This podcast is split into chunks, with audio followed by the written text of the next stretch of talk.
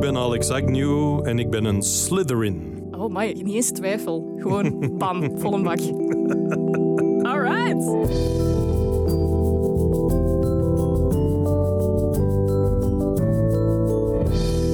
Squibs, muggles en mudbloods verenigt u, want zondag is Potterdag. Welkom bij The Sorting Hat Revisited, de Harry Potter geïnspireerde podcast, waarin we de befaamde hoed uit het J.K. Rowling-universum gebruiken als excuus om zalige mensen in de radiostudio te trekken. En vandaag is dat, hallo, Crockett. Een ware legende. More human than human and larger than life. Ik heb hem bijna een orgie zien ontketenen op Graspop met zijn ter graven gedragen metalband Diablo Boulevard. En hij is de koning van de zotte gelutjes. Maar vooral is hem bekend als de comedian die heel de sportpaleizen moeiteloos kan vullen en als de stem achter de grootste podcast van Vlaanderen, Welcome to the AA. Het grootste lawaai achter de micro en ik mag dat sorteren vandaag in de Sorting Hat Revisited. Ladies and gents, I give you Alex Agnew.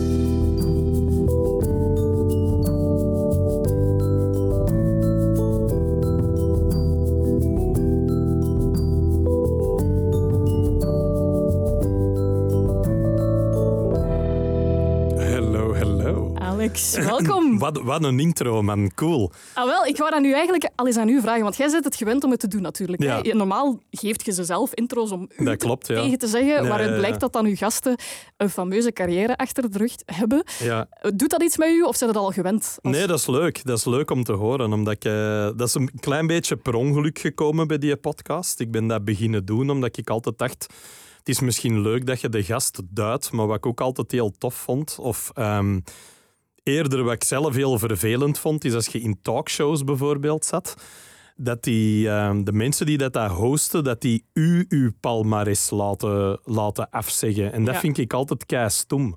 Omdat dat zo klinkt alsof dat, dat jij dan moet zeggen... Ja, ja, ik heb dat en dat allemaal Ja. gedaan en dat. Zo en ik dan heb denk hier ik... expertise en ik mag hier zitten. Ja, en dan denk ik, nee, die, degene die je nu uitnodigt, moet dat over u zeggen. En jij moet daar eigenlijk alleen maar zitten en zo'n intro in ontvangst nemen en denken, mijn god, wat was ik toch fantastisch. Wat ben ik toch getalenteerd? En dan zit het, dat, dat, ik merk ook wel dat mensen direct toch ook zo'n gevoel hebben van wauw, zo, die heeft dat allemaal opgezocht, Ja. je krijgt daar respect. Die vermeldt bepaalde dingen. Hè. Als je bij van iemand zegt, de allereerste die je ooit dat gedaan heeft, of de best verkochte single aller tijden hier, of dit of zus. Ja, die zitten er wel en die denken, ah, dat is tof, ik moet dat niet meer zelf moet zeggen. zeggen. Ja. Je, weet ook van, oh, die persoon is ofwel een fan of die heeft zijn research gedaan. Ja. Ik moet hier niet mezelf liggen verkopen, bij wijze van spreken. Ja, ik vind, dat, ik vind dat heel belangrijk, omdat je dan de, de weg openlaat om er wel over te gaan praten. Maar dan moet die mens niet zelf zo zijn eigen ja. loftrompet gaan afsteken, want dat is, dat is zo onnozel. En Ja. ik vond dat altijd jammer als ik zo vragen kreeg in een talkshow. Zeg, eh, jij bent wel redelijk succesvol, hè? En dan denk ik, dat zouden jij na eigenlijk Dat- allemaal ja, moeten zeggen. dat moeten zeggen, Zodat ik zoveel dan- sportpaleizen, Zodat ja. ik dat niet moet zeggen, want dan denk ik die... Ja, ja, hè, Maar zo. dat is toch ook... Dat, dat- ik vind dat sowieso een stoeme vraag, want dat is ook gewoon open deuren. Iedereen weet dat al. Je gaat er dan vanuit hè, dat iedereen dat weet. Maar dan denk ik ook... Ik weet dat niet. Ik vond dat altijd raar. Ik, al- ik vond dat altijd zelf heel onaangenaam. Dus ik Ja. kon mij ook voorstellen dat, eh, ja, dat, dat er wel meer mensen zijn die bekend zijn die dat gevoel hebben. Dus ik dacht, als ik ooit iemand ga interviewen, dan doe ik dat voor hun. Ja, voilà. Dan zoek ik dat allemaal op en dan zal ik alle coole dingen zeggen dat die gedaan hebben. En dan gaan we babbelen en dan zien we wel waar het naartoe gaat. Maar niet dat die zo zelf moeten zeggen wat die daar zitten te doen. ja, zo maar, geno- zo de reden geven van... Ja. Er is, een- er is, je bent de moeite waard om hier te zitten. Hè? Ja, voilà, je nodigt toch ook iemand uit omdat je die wilt hebben zitten bij je. Ja. Zo, je, je gaat toch niet iemand vragen om dan zo...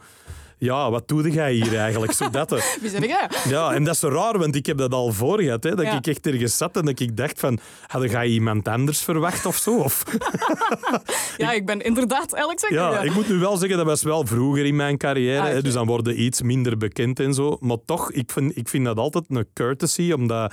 Ook, ik, hè, er zitten ook mensen bij mij in de podcast die helemaal niet bekend zijn bij een groot publiek, maar die wel heel coole dingen Ja. gedaan hebben. Je kunt toch moeilijk... Dat je even kadert van, oké, jij weet dat misschien nog niet, maar die zijn super graaf. En Maar daarom- ja, tuurlijk, als je Karel Sabbe bij u hebt zitten, die, dat, die dat de, de Appalachian Trail, het wereldrecord, heeft verbroken met acht dagen. Hè? Niet met drie uur, met acht dagen. Dan denkt je, dan ga je niet beginnen met... Zeg, eh, ga loopt al wel eens scheren, not? Allee, ja, dat is zo... Come ja. on, man. Die gast is, is de beste ultrarunner van de wereld. Dan, dan denk je toch van, ja, dat moeten we wel eigenlijk een beetje kaderen, zodat mensen al meteen weten, wow, dat is een coole Ja. gast, die zit daar voor een reden. Dus, eh, dus ja, dat vind ik toch wel belangrijk. En het was tof om eens een keer aan de andere kant Ah, te wel, zitten. ja. Ik was en dat denken, zo over mezelf al- te horen, dan denk ik, ah ja, oké, Misschien cool. jij daar al los aan gewend, omdat dat je zo vaak overkomt, maar dat doet toch nog iets. Eigenlijk worden daar nooit niet helemaal aan gewend. Of er moeten toch niet te gewend aan worden, ook niet, vind ik. Zo, je moet toch nog altijd... Ik vind het toch tof als er zo dingen over u gezegd worden van dat heb jij bereikt, dat je denkt, ja, dat is toch niet slecht. Ik, Nee, heb, dat toch, is- ja. ik heb toch En, iets en dat ook gedaan. niet zo soms van, ah, juist, dat heb ik ook nog gedaan. Ah ja, dat klinkt inderdaad. Als je het zo Ja. opnoemt, hè, Ja, klink zo. ik wel als een toffe Als je pik. het nu allemaal achter elkaar zegt, dan snap ik waarom dat ik hier ben. Oh ja, kijk, bij deze loftrompet eh, geblazen. Dank u, In, dank u. eh, in The Sorting Hat Revisited blikken we terug op 20 jaar geleden, toen de allereerste Harry Potter film in première ging in België. Ongeveer ook hetzelfde moment Dat waarop is dat al jij begon. twintig jaar geleden, man. Ja. Jesus Christ. 20 jaar geleden. En dat Ja. is dus ook ongeveer het moment waarop dat jij begonnen bent met comedy. Dat zal niet veel schillen, ja. Ja, inderdaad. Dat is... Als je het zo zegt, dan is het inderdaad nog langer geleden. Dan voel ik helemaal van... Want ik weet dat dat allemaal zo... eh, ik weet dat Lord of the Rings toen ook nog niet zo lang... Dat was zo allemaal rond Ja. dezelfde tijd, hè. Dat die films uitkwamen en dat je zo... Ja, dat je ineens door had van... Hoewel dat ik niet door had hoe groot dat, dat ging worden, hè, Harry Potter. Maar ik Je in het begin heel veel mensen nog niet. Hè. Nee, ik, ik weet wel, ik bedoel, ik had die boeken gelezen, want ik, eh, ik heb die eigenlijk leren kennen door. ehm er was een goede maat van mij, die had die en ik was ooit eens ziek en ik kon twee weken niet gewoon werken. En die zei toen tegen mij van, eh, hier, lees dat, dat gaat u er wel doorhelpen of zo. En ik denk dat er toen waren er vier boeken uit of zo. Ik denk dat het echt tot aan The Goblet of Fire, of zelfs nog maar tot aan The Prisoner of Azkaban. Ik weet het niet van buiten. Maar ik heb die allemaal gelezen en ik, was, ik ben er ook doorgevlogen. Zo. Ja. zo, je begint eraan en je denkt, oh ja, en ineens zo, wow, oké. zo. Je was dan eigenlijk ook nog voor de hype. Ja, eigenlijk wel. Want ik ben dan ook de film gaan zien omdat ik de boeken had gelezen. Hè. Dat ik dan dacht, oh, ik ben wel eens benieuwd wat ze ermee gedaan hebben. En, en ehm, ja, ik moet wel zeggen, zeker als je de eerste zag, dat was tegelijkertijd heel cool, maar dat was ook nog niet een indicatie wat die films gingen worden, ook niet. Hè. Nee. Zo gevoelde toch zo, wat was Chris Columbus, denk ik, dat hij heeft geregisseerd. de regisseur van Home Alone. hè. Voilà, en die heeft dat wel goed aangepakt, omdat hem dat wel zo een, een mooi beetje kinderverhaal heeft gemaakt. Want je merkt ook dat naarmate die serie volgt, zowel in de boeken als in de films, dat wordt, dat wordt wel een pak donkerder. Hè. Ja. Maar ik vond dat wel, ik weet dat ik dat wel goed vond of zo, dat ik dat wel tof vond.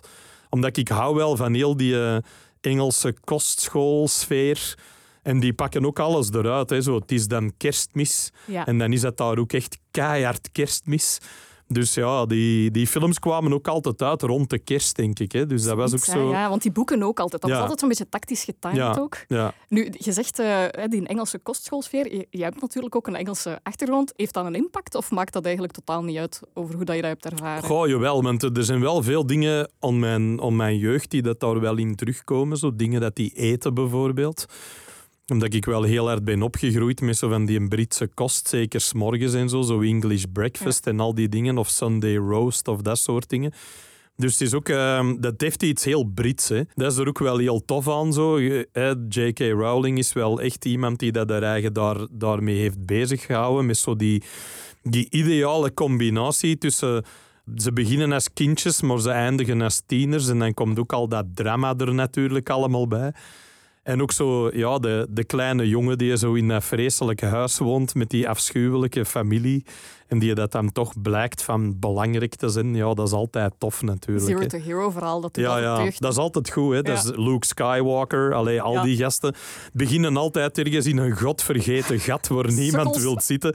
Zo, of naar Tatooine is, of wat is het, Little Whinging, of waar, waar woont hier? Die naam ook alleen al.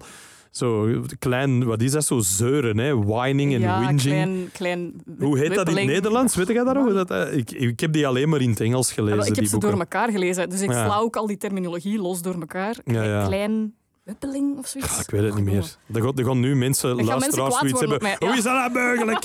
deze, is een, deze is een Harry Potter podcast en die met weet is. Sorry, ik ken niet alle woorden uit mijn In het hoofd. Engels heet het little whinging, dat weet ik wel. Dus Ah, wel. eh voilà. ik, zal, ik zal het in de show notes zetten om, om drama te voorkomen. voilà. Eh, maar alleszins, hè, 20 jaar Harry Potter, 20 jaar, eigenlijk zeg ik nu comedy. Is er veel veranderd in die tijd? Ja, zeker. Ehm, goh, ik ben vader geworden in die tijd. Ik ben begonnen als een gast die dat in café stond en, ik heb sportpaleizen gespeeld. Eh, mijn band is ook begonnen en gestopt in heel die periode. Dus ik heb ook eh, heel de wereld rondgetoerd met een groep. Allee, ja, dus eh, er is wel veel gebeurd in de laatste twintig jaar. Ik zou zeggen veel meer dan in de twintig jaar ervoor. Of zo. Want Ja. ik ben nu, ik word nu dit jaar eh, 49. Dus ik was eigenlijk al wel al 29 jaar van alles aan het doen vooraleer dat heel die comedy-carrière eigenlijk echt begonnen is. Maar dat waren veel minder, eh, hoe zeg je dat? Memorabele jaren of Ja. zo. Als je dat nu beziet, wat mijn laatste 20 jaar waren, dat is toch wel waanzin. Of. Stroomversnelling. Want denkt je dan nu, hè, 49, denkt je dan Mhm. nu van we lappen er nog eens 20 jaar bij? Of, of, of is dat... Goh, voor zover dat ik weet wel. Hè. Ik bedoel, ik, ik ben iemand die niet van plan is om al op pensioen te gaan. We hebben, je hebt soms de neiging om zo zeker mijn leeftijdsgroep, hè, zo veertigers, die soms al over hun eigen kunnen praten alsof dat ze bijna op pensioen zijn. Omdat alles ook zo snel gaat. Hè. Je Ja. voelt ook, hè, nu zijn wij ook zo die eerste generatie, denk ik, die echt weer te maken heeft met een generatiekloof. Ja. Ja, dat je voelt van de jongeren die dat nu Zich afzetten eigenlijk ja, tegen... tegen, ja. tegen ons. Terwijl wij waren cool, hè. Allee, wij waren, genera kom wij waren Generation X, hè. Wij waren Ja. punkers en wij waren... Wij hadden mannen met make-up en met hoge hakken. En wij, wij zijn, ik ben wel opgegroeid met, met androgyne rocksterren die meer make-up op hadden dan de vriendinnen waar wij mee omgingen. Glamrockers, shockrockers, eh, mensen als David Bowie tot Prince. heel de jaren tachtig Ja. met al die new romantics, noem het allemaal maar op. Dus soms kan ik het er dan wel wat van krijgen als jonge mensen praten over ons. En, en ook dat die dan zeggen, ja, boomers. En dat wij dan denken, nee, ik ben Generation X, baby. Dat is iets anders. Dat is anders. Dat is iets anders. We've seen het, is niet, het is niet dat wij nog nooit een homo gezien Ja, hadden. Zijn ja. people. Wij wisten al, hè, wij waren al met andere dingen bezig. Eh, maar tegelijkertijd voelde ik wel dat, ja, dat waar jongeren nu zitten en waar die nu mee bezig zijn, dat is toch nog iets anders. Dat is Ja. wel weer een stap verder. En dat hoort er ook een beetje bij. Hè, tegelijkertijd hoort het er ook bij dat ik mij er druk in maak en er geen kloten van snap. Maar ik denk dat dat ook, want je staat er ook voor open, hè? want Ja. je hebt eh, samen met Michael van Peel ook de stemmen van Generatie Z gemaakt. Ja, ja. Waar dat eigenlijk, ja, dat is eigenlijk gewoon de vraag van, wat, waarom zit jij te, te neuten op mij? Dat, daar komt het op neer. Ja. Is dat niet een beetje het punt van die Ja, podcast? dat, dat kwam daar wel van. En, en uiteindelijk merkte dan ook dat als je in een lang gesprek met iemand terechtkomt, hè, dat is de, hoe zeg je dat, de, de, de schoonheid van de podcast. Ja, dat dat kan. Dat is dat dat altijd kan. Hè. Ja. Dat als je lang genoeg met iemand babbelt, dan vind je altijd common ground. Dan kom je wel overeen. Hè. Het is alleen wanneer dat je je, je meningen beperkt tot 240 tekens Ja. dat het meestal pijnlijk wordt. Hè. Omdat je dan ook niet meer het gevoel hebt dat je nog moet openstaan voor iemand anders zijn mening. Maar als je tegen elkaar praat en je zit naar elkaar te kijken, ja, dan krijg je toch een andere vibe. Dan voelde, omdat je dan ook... Dan zit ook nooit zelf zo extreem. Dan heb je meer de Ja, ook neiging veel om- minder polariseren als er iemand Ah, ja. tegenover je neus Tuurlijk, zit. Hè? tuurlijk. Mhm. Want daar kom ik sowieso nog op terug, omdat ik, heb, ik vond ja, Generatie Z vind ik sowieso al eh, een interessant om op in te gaan. Mhm. Ook wat uw sortering betreft trouwens. Eh, mensen die Welcome to the AA-video's al eens hebben bekeken, die weten het sowieso al. Je hebt wel wat merch en films in huis staan. Gigantisch zalige muren vol. Mhm. Ja. Eh, van waar die waanzinnige liefde voor cinema en film? Goh, dat is van kinds af aan, denk ik. Want Ehm, jij werkt dan ook in... eh, ik heb in de cinema gewerkt, ja. ja. Ik heb dat lang gedaan. Goede research, goed gedaan. Eh, ik heb lang gewerkt in de ehm, Cinema Calypso en ook in de cartoons. Dus eh, zo arthouse cinema, zo, hè, waar ik... dat ik eigenlijk heb leren kennen door daar te werken. Wat ook wel grappig is, want ik heb ook zes jaar in de opera gewerkt en ik heb dan 60 operas gezien. Dus ik, ik ben eigenlijk zo cultureel meestal onderlegd door waar ik ben gaan werken. Wat wel grappig was, want dan, dan ben ik ook naar zo al die arty films gaan kijken en dan kan ik ook nog altijd met mijn hand op mijn hart zeggen dat ook daar de ratio van kwaliteit Ja. tot crap absoluut. ongeveer 80% brol en 20% goed is. En dat is een beetje net hetzelfde als Hollywood, alleen krijgt... Hè, Natuurlijk, omdat dat groter is en omdat er veel meer budget tegen hangt, krijgen die meer shit. Maar uiteindelijk is dat wel een beetje hetzelfde. Dat heb ik ook al gemerkt. Hetzelfde met opera's en uitvoeringen. Je gaat er naar kijken en je hebt soms twee keer dezelfde opera gezien en wat één iemand daarmee doet is fantastisch. En wat een andere ermee doet is van dat kluchtig schooltoneel waar je van denkt, deze is echt verschrikkelijk. Dus ja, het was, het was leuk om, zo, om, om dat dan toch allemaal mee te maken.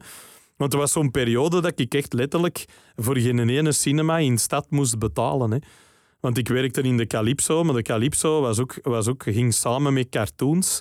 Maar die werden allebei dan ook nog eens... Uh, allee, Calypso werd ook nog overgekocht door Gaumont, die nu daarna later UGC geworden zijn. Maar dat was in het begin was dat Gaumont.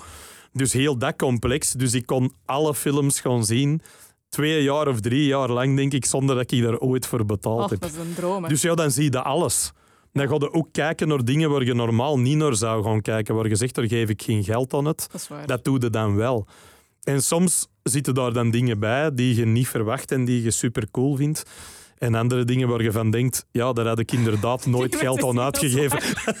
Alle chance dat ik het nu voor betaald. Ah, alle chance dat dat gratis was. Dat heeft alleen twee uur en een half van mijn leven gekost.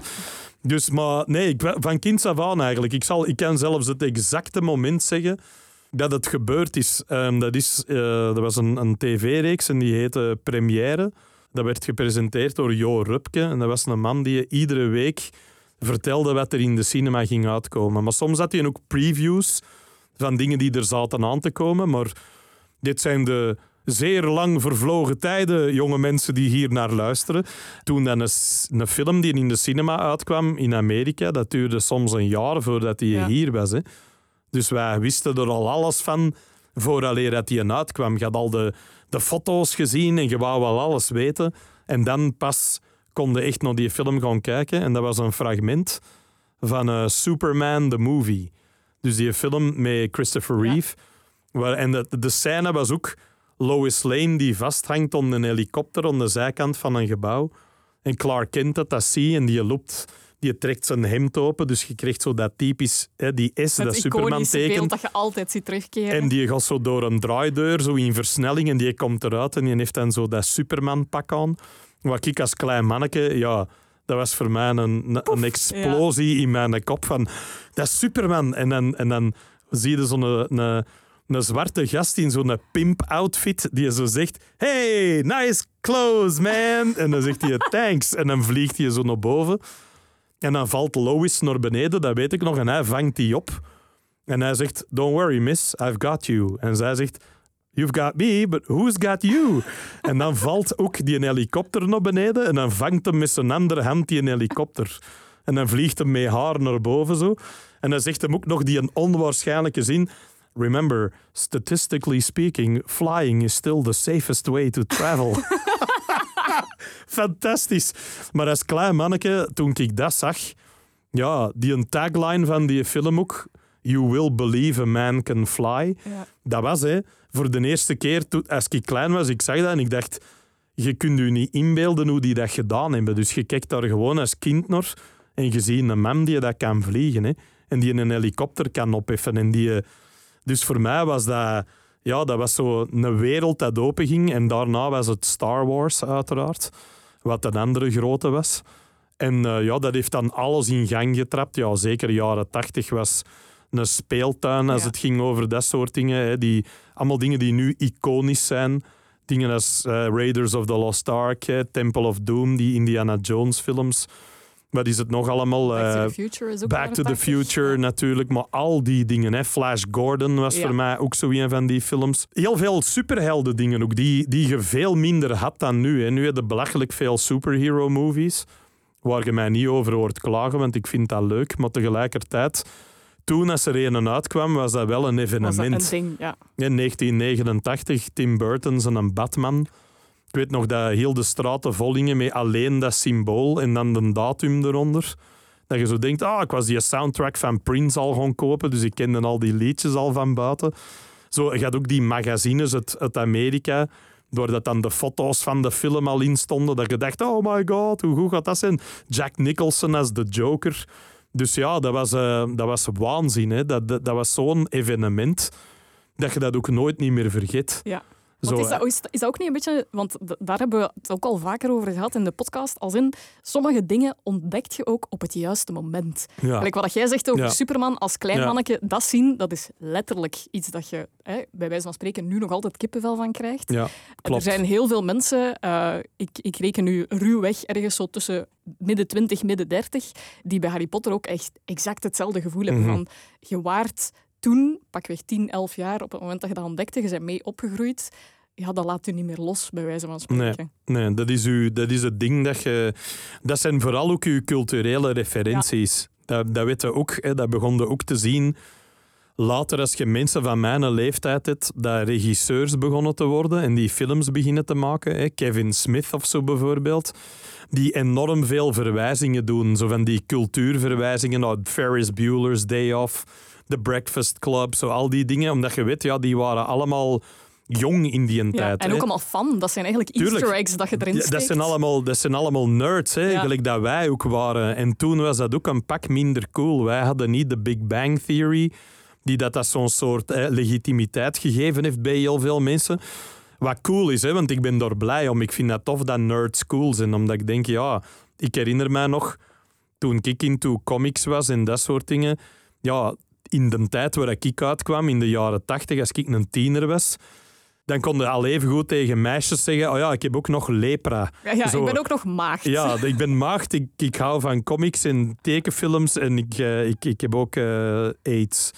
Zo, het was, het was, er was niks meer om mensen gewoon af te Af te schrikken stoten. Ja. dan het feit dat je dat, dat, je dat deed of dat je daar naar luisterde. Dus, dus het was, ja, dat was zeker een, eh, een, een, een moment, maar ik denk ook wel... Je voelt dat ook bij, bij andere mensen die jonger zijn als mij, zoals de Xander de Rijke bijvoorbeeld. Voor hem is dat Jurassic, Jurassic Park. Park. ja. Ook op het juiste moment. Ook ontdekt, allemaal zo die Ja. momenten, dat, dat voor sommige mensen is dat die film, voor andere mensen is dat dan inderdaad Harry Potter of zo, of, of Twilight. Dat is nog zoiets, hè, waar je zo bepaalde mensen is daar het dan allemaal begonnen. Hopelijk naar betere dingen geëvolueerd, maar, maar toch. Hè. Maar dat, ik vond dat wel tof. Of Lord of the Rings ook, hè, voor sommige mensen. Is dat dan de Big Bang? Of was dat dan het, het moment dat ze zeiden van, oh, er gaat hier een hele wereld voor Ja. mij op. Ik denk vooral dat dat films zijn die zo'n soort wereld creëren waar dat je kunt instappen. Ja, een enorm escapisme heeft dat ook. Hè. Maar dat maakt dat wel heel tof. Ah, ja. absoluut. Ja. Ehm, je had het daar straks al over. Hè. Uw, uw- leven is serieus veranderd op 20 jaar. Je bent vader geworden. Uw dochter, Amy, die is eh 12, waarschijnlijk 13 op het moment dat deze podcast uitkomt. Het zal niet lang niet meer duren, hè. ja, inderdaad. ja. Perfecte Harry Potter leeftijd. Dat is, hè. is Ja. zij fan? Heb je haar geïntroduceerd? Ja, ja, die is fan. Maar die ik weet niet of ik haar helemaal heb geïntroduceerd. Ik heb die films allemaal wel. Want ik heb er zo'n hele chique Blu-ray-box van, waar dat die allemaal in zitten. Maar zij heeft dat ook wel zo... Dat is via, via, ook via haar school en zo gegaan. Ze, via medeleerlingetjes en zo. En dan zei ze wel van, ja... Harry Potter, dat is wel cool of zo. En dan dacht ik, oké. en dan heet hij natuurlijk een goede vader wel. Want ik ben die ene dat dan zegt... Hier, "Haha, de boeken. Kijk, ik heb iets in de kast. Hè. Dus, en dan hebben we die ook allemaal gezien samen. Dus dat is ook wel tof dat we zo heel die, hè, heel die reeks hebben doorlopen. En zij wou dat ook echt per se zien met mij en met mijn vrouw. Dus dat moest zo'n avond zijn dat we er allemaal zaten. En er zijn nog zo van die dingen bij Amy. Hè. Zo Stranger Things is ook heel hard een ding voor haar. En dan zei ze ook van, ah, maar in de 80s en die muziek. En ik zeg, ha, ha, ha, ha. Papa heeft dat nog goeie meegemaakt. vader. Massa's, massa's vinyl. Kei veel films die daar, ja, waar het heel duidelijk van is dat die daar ook de mosterd hebben gehaald. Hè. Maar op een kei goede manier. Hè. Ik, ik hou heel veel van dat soort eh, nostalgische spullen. Hè. Cobra Kai bijvoorbeeld is ook zoiets. Karate Kid was ook een van mijn films als ik jong was. En Cobra Kai komt dan uit en, en dat vindt Amy dan cool. Ja, en dan zegt Amy tegen is- mij zo... Wauw, maar, maar de Karate Kid, hoe is dat dan? Ik zeg, ha, ha, ha, ha, papa. eh, Papa altijd alles Papa in de kast staan. Dus dan kunnen we die drie films zien. Want dan weet ook natuurlijk, als seizoen 4 eraan komt, die een teaser daarvoor is een bepaald personage dat gaat terugkomen. En dan weet ik van, ja, dat is de die. Ja. Dus, dus ja, dat is allemaal heel tof. Dat je, zo, ehm, dat je ook wel merkt dat de mensen die nu dingen maken, dat die dat ook doen, dat die allemaal zo bij mijn leeftijd hebben. Hè. Die, die een boek, eh, hoe heet die, die schrijver nu meer, maar Die een boek dat ook een film geworden is, Ready Player One. Ah, ja. Ik weet niet of je die weet- nooit ja, gelezen ja, hebt. Ja, ja, het boek is geweldig. Ja, die boek is ongelooflijk. Die gast is ook van 72. Die is letterlijk van mijn geboortejaar en die heeft mijn jeugd gehad. Dus ik zit dat gewoon te lezen. Die begint ook over manga-dingen dat ik ken van vroeger, van Franse televisie dan. Hè. Dingen als, als Gundam of dingen als... hè, wat is dat? Je, je hebt ook zo van die hele crappy, maar wel coole Japanse reeksen. Die met, met reuze robots. Beetje, beetje zoals de, de Power Rangers, maar je hebt zo'n hele reeks ervan.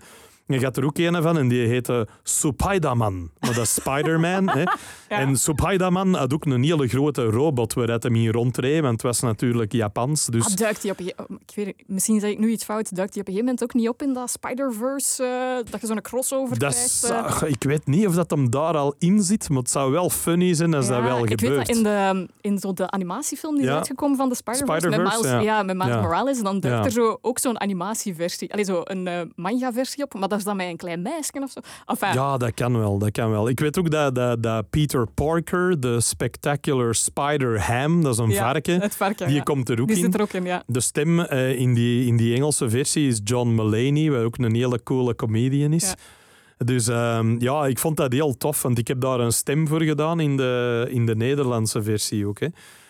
En ehm, een stem die ik nu niet meer ga doen, denk ik, want dat is de vader van Miles Morales, who is very black. Ah, dus dat is zo, eh, dat was de tijd dat ze daar nog niet mee bezig waren. Wat eigenlijk nog niet zo lang nee, is geleden zo is lang eigenlijk. is. Dus je merkt ook wel hoe snel, hè, dat zelfs dat je vraagt van 20 jaar, dan, dan denk Ja. ik wat er al in vijf jaar allemaal kan veranderen, is ook al belachelijk veel. Dus, eh, maar ik vond dat inderdaad, ja, dat zijn zo die dingen dat ik wel, wel super tof vind of dat ik wel blijf volgen. En Amy is dat wel een beetje aan het verder zetten of zo. Ik voel wel aan haar van, ja, die, die haar interesses en de dingen die ze leuk vindt. En op andere vlakken is ze ook, een paardenfreak. Dus die is ook heel de tijd met paarden bezig en, met paardrijden. En die vindt dat allemaal ongelooflijk. Maar die is ook karate gaan doen, wat ik jarenlang gedaan heb. En dat vindt ze ook kei tof. Dus er zit, zo wel, er zit zo een stukje van mij wel in haar. Dat ik heel hard voel van, ja, dat zijn de dingen die haar wel interesseren. Of waar ze wel naartoe wilt, of dat wat ze wel wilt zien. En dat is toch wel leuk om dat, om dat nog eens te Te herbeleven. herbeleven, ja. Dat, is ja. echt, dat is echt wel tof. Vanuit, ja. op, vanuit een nieuwe blik ook. Ja, eigenlijk, van hè, het, nieuwe van het perspectief. ogen die niet die van u zijn. En die stelt dan ook vragen dat je denkt, damn, daar heb ik nog nooit niet over nagedacht. Hè? Wat ook wel grappig is, van waarom doet hij dat? Of waarom heeft hij dat masker op? Of waarom kiest hij nu een vleermuis? Zo, Batman, wat is daar nou cool aan? Dan moet ik dat verhaal vertellen van, ja, die zat te denken, ik wil mij verkleden, ik wil die bang maken, maar ik weet niet hoe. En ineens vliegt er een vleermuis binnen en hij haha, I shall become a bat. En dan kijkt hij zo naar mij en zegt hij, dat is nou niet zo'n angstaanjagend beest, hè, een vleermuis. Ja. En dan zit hij er zo... Dat is pre-covid natuurlijk. Ja, ja, ja, dat is waar. Dat is waar. In, Ozzy, eh, Ozzy Osbourne had dat ook beter voilà. niet gedaan een paar jaar geleden. Ja. In, eh, in de allereerste aflevering van deze podcast vertelde cartoonist Lecter dat elf jaar zo'n beetje een, een speciale leeftijd is. Zo het moment waarop dat je begint door te hebben wat dat je eigenlijk in je wildste dromen zou, zou, graag zou willen bereiken of zo. Had jij Mhm. toen enig idee wat dat er voor u in de kaarten lag of wat dat jij wilde aanvangen met je leven? Goh, ehm, dat is grappig dat je lector zegt, want op die leeftijd vroegen ze aan mij wat ik wou worden. Je had zo'n agenda en er zat dan... Ik had een schoolagenda met een bladzijde waar je dingen over jezelf moest invullen. Welke muziek hoorde graag? Hardrock, had ik geschreven. Ik kende er geen kloten van, maar ik vond dat gewoon cool. En het andere was, eh, wat wilde worden? Striptekenaar. Omdat ik veel tekende vroeger als jong manneke. En ik dacht, ja, dat is misschien wel iets dat ik wel wil doen. En toen zag ik, eh, denk ik ook op mijn elf jaar, het zal toch niet veel schillen. Het was het eerste middelbaar, dus dat kan niet anders. Delirious van Eddie Murphy. Die is een comedy show. En dat was voor mij echt ook zo dat moment dat ik dacht, Is dat wil ik die, ook eh, doen. Is een rode leren pakje? Ja, dat is die. Ja, ja. Dat is die. Die stond ook in een arena, hè. dat is belachelijk groot. Die, ja, dat was ook de eerste comedian dat ik ooit zag die niet dat de houding had op een podium van zo'n loser. Zo, meestal zijn comedians zo degene die op podium en zo'n beetje zullig en Ja. zo wat Zo'n de- beetje excuseren, sorry dat ik ja, er ben, sorry en hij dat ik was, een, hij was een rockster. Hè. Hij was zo een van die gasten die dat podium opkomt en je wist, ja, alle vrouwen willen die ook. Alle mannen willen die zijn. En die is mega cool en die is ook nog eens heel grappig. En die deed dan ook van die keigoede imitaties Ja. van bepaalde zangers. Michael En Jackson en zo. zo Michael Jackson, James Brown, hè, zo al die dingen. En ja, ik moest er zo hard mee lachen.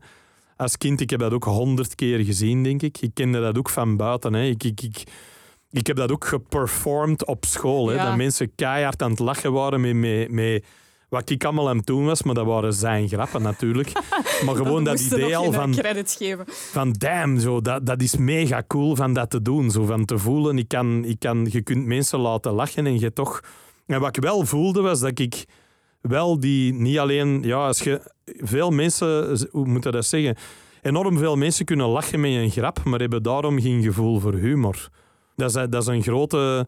Hoe zeg je dat? Een groot misverstand. Dat veel mensen denken, ja, maar ik, ik, ik kan lachen met dingen. Dan denk ik, ja, dat is omdat uw, hè, uw brein is wel goed genoeg om te volgen wat dat je doet. Dus je weet wel wat daar funny aan is. Maar iemand dat een gevoel voor humor heeft, zie humor. En niet alleen zie de humor, maar je, je voelt ook timing. Je weet ook waarom dat timing belangrijk is. Je weet ook waarom dat je dat op dat moment moet laten vallen. Waarom dat, dat juist één seconde langer moet duren. Waarom dat je soms een grap ook niet moet afmaken. Dat je iets kunt zeggen en je kunt gewoon wat kijken naar het publiek en denken, ja... En dan beginnen die al te lachen van, ah ja... Of door ene zin dat jij al zegt, die je nog niet weggeeft wat dat is dat jij gaat doen. Maar toch is dat al zo... Ja, dat is al een hele funny zin op zich. Ja, zo, Bill Burr heeft in zijn, een van zijn laatste shows heeft hij zo die zin... You know what's hilarious about sexual abuse? En dan denkt al, maar ik kan niet wachten om te horen wat hierachter gaat komen. Zeker in deze tijden. Maar dat je, die, je weet dat hij die zin heel bewust heeft gekozen. Je weet dat hij heel hard al een reactie gaat uitlokken met dat alleen maar te zeggen. En dat is iets dat voelde ik wel toen ik op, op, op de speelplaats Eddie Murphy aan het nadoen was. Dat ik dat wel beter kon dan iemand dat dat...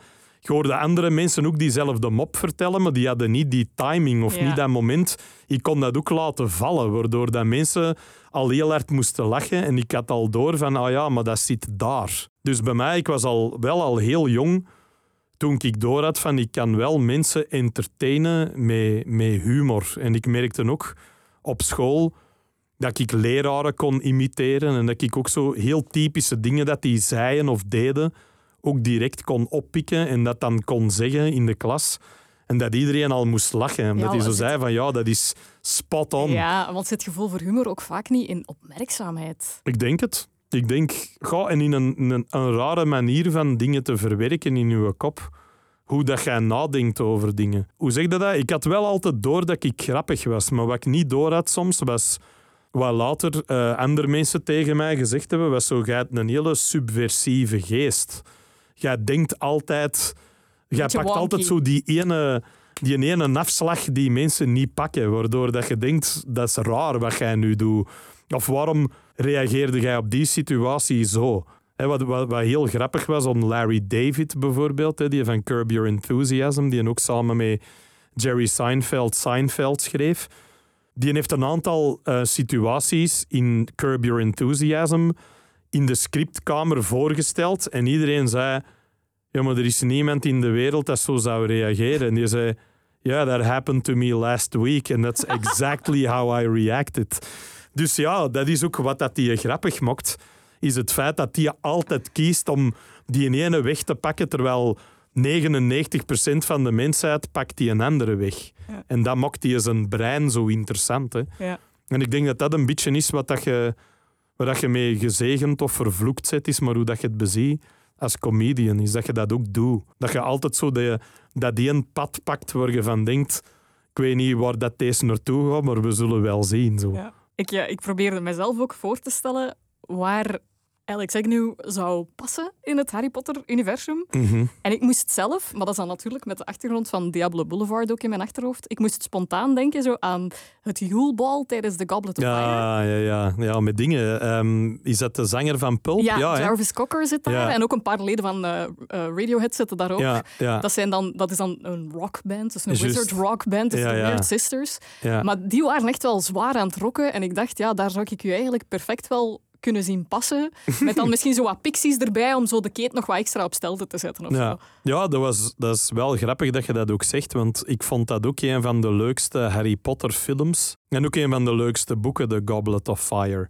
Omdat dat tof was dat je zo die andere scholen ook kreeg. Hè.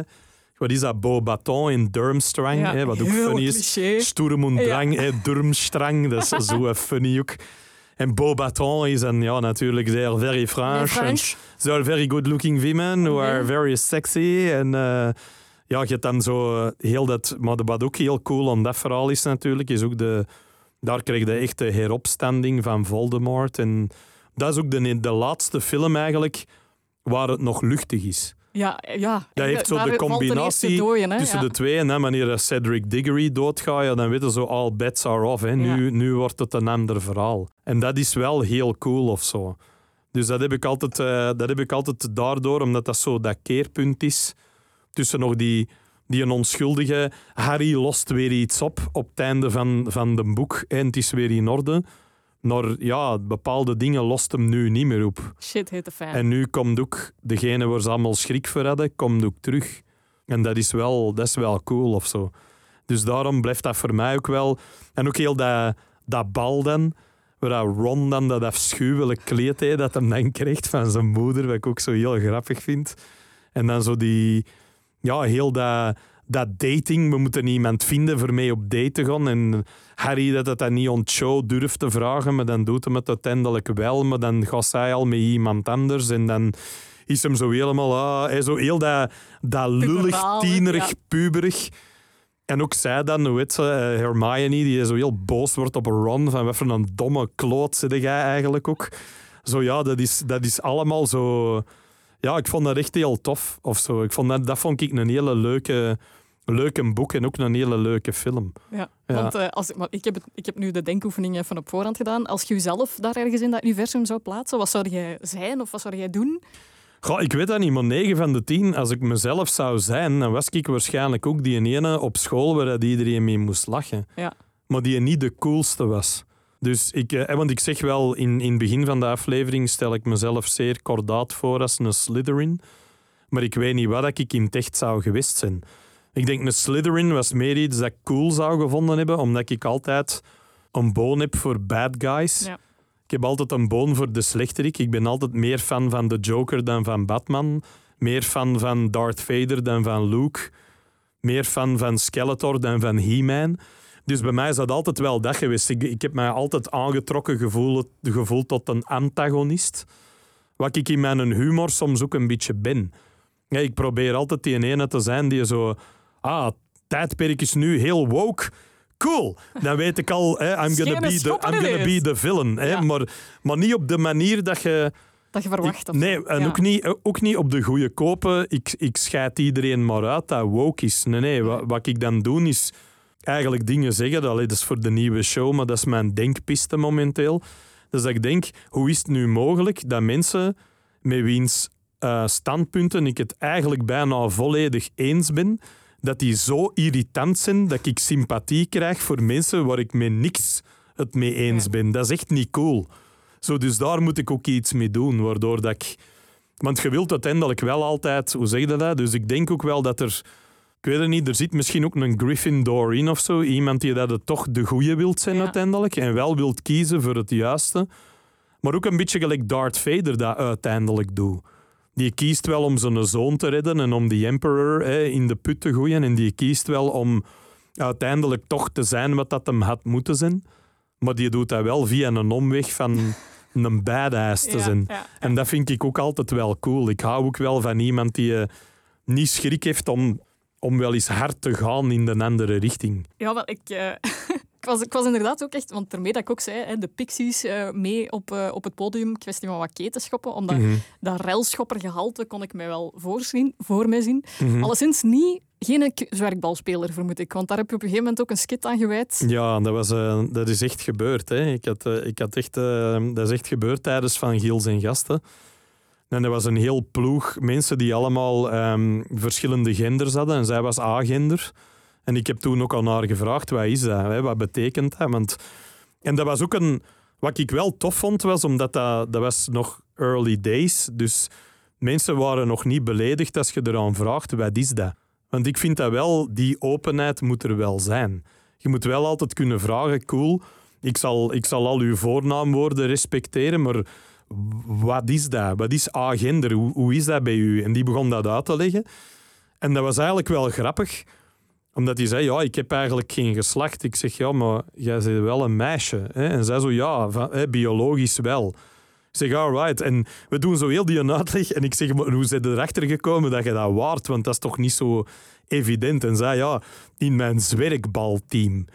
En ik had niet op dat moment door dat dat een bit in mijn show ging worden. Maar ik stond daar en ik dacht... Ja, dat had ik niet zien aankomen. Vertel verder. Ja. Maar wat, ik ook, wat ook instantly gebeurde, was dat ik totaal niet meer met dat gender bezig was, maar alleen maar mee... Dus jij vliegt op een bezemsteel rond, of wat? Dus mijn brein ging totaal alleen maar naar Harry Potter universe.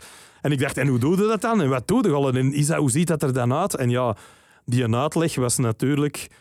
Jammer, maar helaas van het lulligste dat je al ooit hebt gehoord. He, zo wat paardje rijden op een PVC-stok, terwijl dat je met een bal naar elkaar... En vooral dat de snitch een gast met een tennisbal op zijn gat geplakt was. Ik kon daar niet van over. Allee, ik stond daar echt zo... Wauw. Zo, Ze en zo. wereldkampioenschappen, hè, Alex? Ja, ja, en cool, maar- hè. Ja. keigoed. En pas op, ik, ben, ik zeg het, ik ben altijd een fan van nerdy nonsense. Hè. Dus mensen die hun eigen daarin uitleven, en ik, ik ben er ook zeker van dat die dat dodelijk au serieus nemen. Dus dat gaat ook fantastisch zijn. Maar tegelijkertijd, ja, er was iets in mij dat wel doorhad op dat moment. Ja, hier zit humor in, want deze is te raar. Dat is een verhaal dat je gewoon niet elke dag hoort. En dat was eigenlijk wel funny. Dus ja, dat was... eh, Ineens zat ik in Harry Potter universe. Ik had zoiets, hoe zijn we hier gerokt? Maar toch wel, toch wel grappig of zo. Je zei daarnet al van, je zou waarschijnlijk ook een van de, ja, misschien wat anti-heroes zijn. Eh, misschien niet de meest populaire gast. Nee. Eh, je zei, de, een van de grappige mannen. Zijn er zo, zo een Fred en George? Zijn dat mannen met wie dat jij overeen zou komen? Ja, Fred en George zijn die twee waar ik altijd mee moest lachen. Hè, omdat ik Ja. dacht, eh, dat zijn ook die gasten die altijd up to no good zijn. Ja. Terwijl dat ik eigenlijk op school was ik eigenlijk niet zo. Hè, want ik was niet zo'n durver eigenlijk. Wat heel grappig is, want als je mijn, mijn latere carrière ziet, dan bestaan ik alleen maar uit, like dat je zelf zegt, zo wat de agent of chaos. Hè, degene die een heel de tijd zomaar wat dingen... En ook probeert van confrontaties aan te gaan met dingen waar ik van denk, ja, dat vind ik vervelend, maar ik kan mij er niet toe door laten doen. Zo dat soort dingen. Maar dat is helemaal niet wie ik was in het middelbaar. In het middelbaar was ik zo'n hele... Ja, ik zat wat te tekenen in de klas en niet op te letten. En ik was super onpopulair bij, bij meisjes, maar ik was wel grappig. Dus heel veel mensen vonden mij wel... Dat was zo dat raar... Zo, is dat nou een loser? Nee, want die zegt soms te coole dingen. Zo, ik kon soms echt... Je zit die ene- net in de safe die zone. ene zin zeggen waardoor dat heel de klas eraan ging. En Ja. zoiets had van, ja, dat is wel echt heel funny. En tegelijk was ik ook heel boekerig, want ik las heel veel. Dus ik, ik wist ook heel veel over, als het dan over literatuur ging, in Nederlands of in Engels vooral. Ja, ik had heel veel van die boeken gelezen. Dus ik was ook iemand die, omdat ik redelijk op mijzelf was als, als jong manneke, was ik, had ik zo dingen gelijk Dune en zo al gelezen wanneer ik elf was. Wat niet zo de leeftijd is, normaal gezien. Dus dan zit het ook al een beetje raar. Dan, dan als, als leraren tegen u beginnen over Animal Farm en jij hebt dat al gelezen. En je hebt zoiets, ah ja, en dan wist ik natuurlijk niet dat dat een kritiek op communisme was. Dat zijn dingen die je later, dat je voelt van, ah ja, dat is een allegorie en dat is dat. Maar als jong manneke snapt al wel het idee van, van machtsmisbruik, het idee van geschiedenis veranderen om gelijk te krijgen. Het zo, zo dat, de dingen waar Orwell tot op de dag van vandaag nog altijd ongeëvenaard in is. Hè. Dat is hè, er zijn nu zo t-shirts die ik kei grappig vind. Ene is Make 1984 Fiction Again. Dat vond ik een kei goeie. Ja. En de andere was 1984 was supposed to be a warning, not a guide. Hè, Ja. zo. Dus je, je, je merkt wel van die, die mens was op een belachelijke manier zijn tijd vooruit. En dat sprak mij ook altijd wel aan. Ik was ook altijd een fan van science fiction dingen, gelijk H.G. Wells of zo, War of the Worlds. Ook, ook redelijk jong gelezen.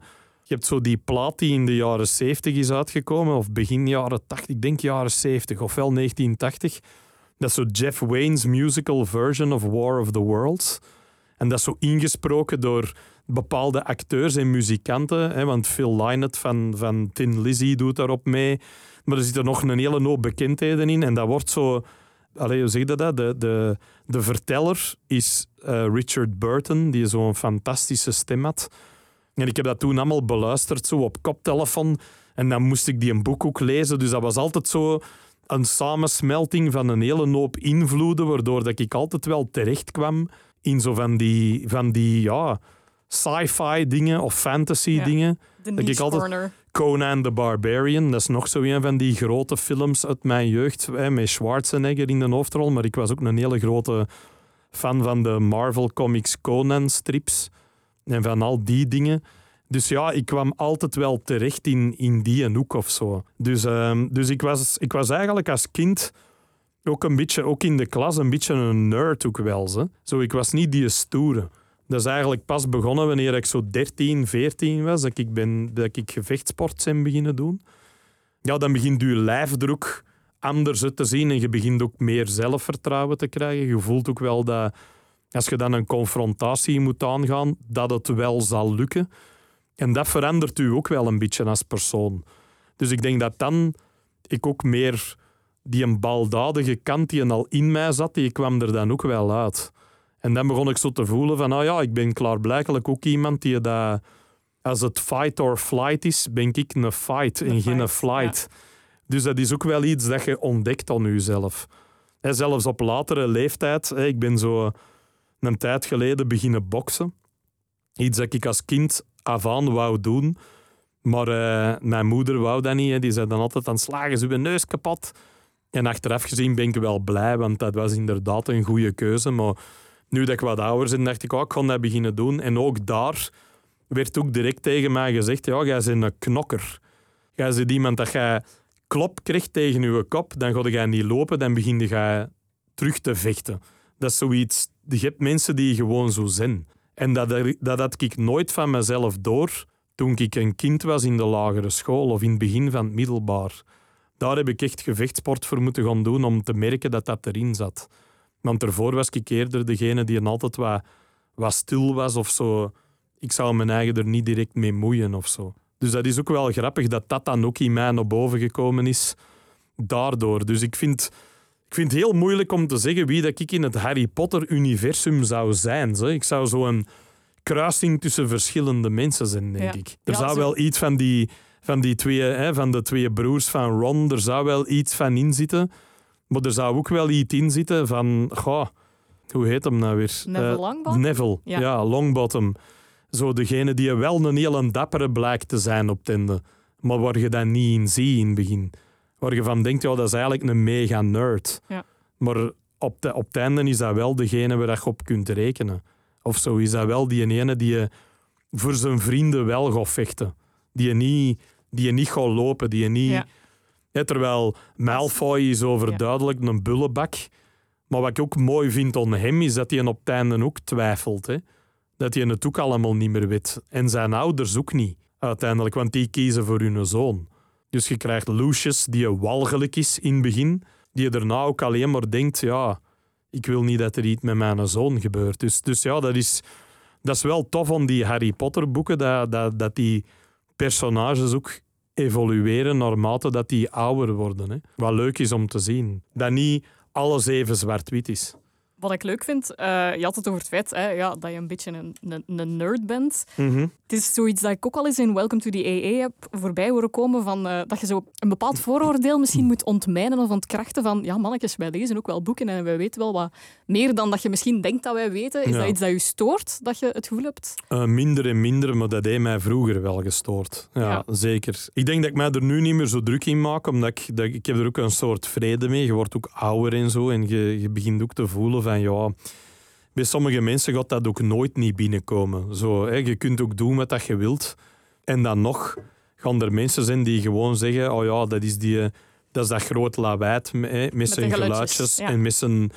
Maar tegelijkertijd denkt je dan: Ja, dan kan ik nog zo hard mijn best doen om het tegendeel te bewijzen. En daar heb ik ook geen zin in eigenlijk.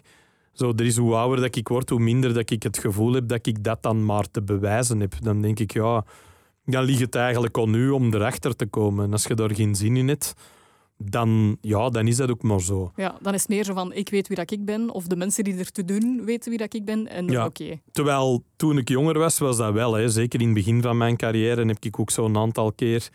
Ik weet nog dat ik ooit voor een, voor een krant zo'n boekenrubriek moest doen. En dat dan zo mijn eerste vraag was aan die, die persoon die mij interviewde. Die zei dan zo van... Zo'n stoere man met tattoos, leest hij eigenlijk wel? en, dan, en dan twee uur later wou die met mij trouwen of zo. Omdat hij door had van... Amai, maar die heeft echt alles gelezen. Ja. Zo, of die kan ook meepraten over, over dingen die misschien niet zo voor de hand liggend zijn. Hè? Die niet alleen maar in die regio van science fiction of van, van fantasy vallen. Maar ik heb veel gelezen. Ik heb ook veel klassiekers gelezen. Dus. Maar dat is dan ook wel leuk, omdat je voelde wel dat die journalist na een tijd ook wel door had van ja, shit, ik heb die hier keihard onderschat.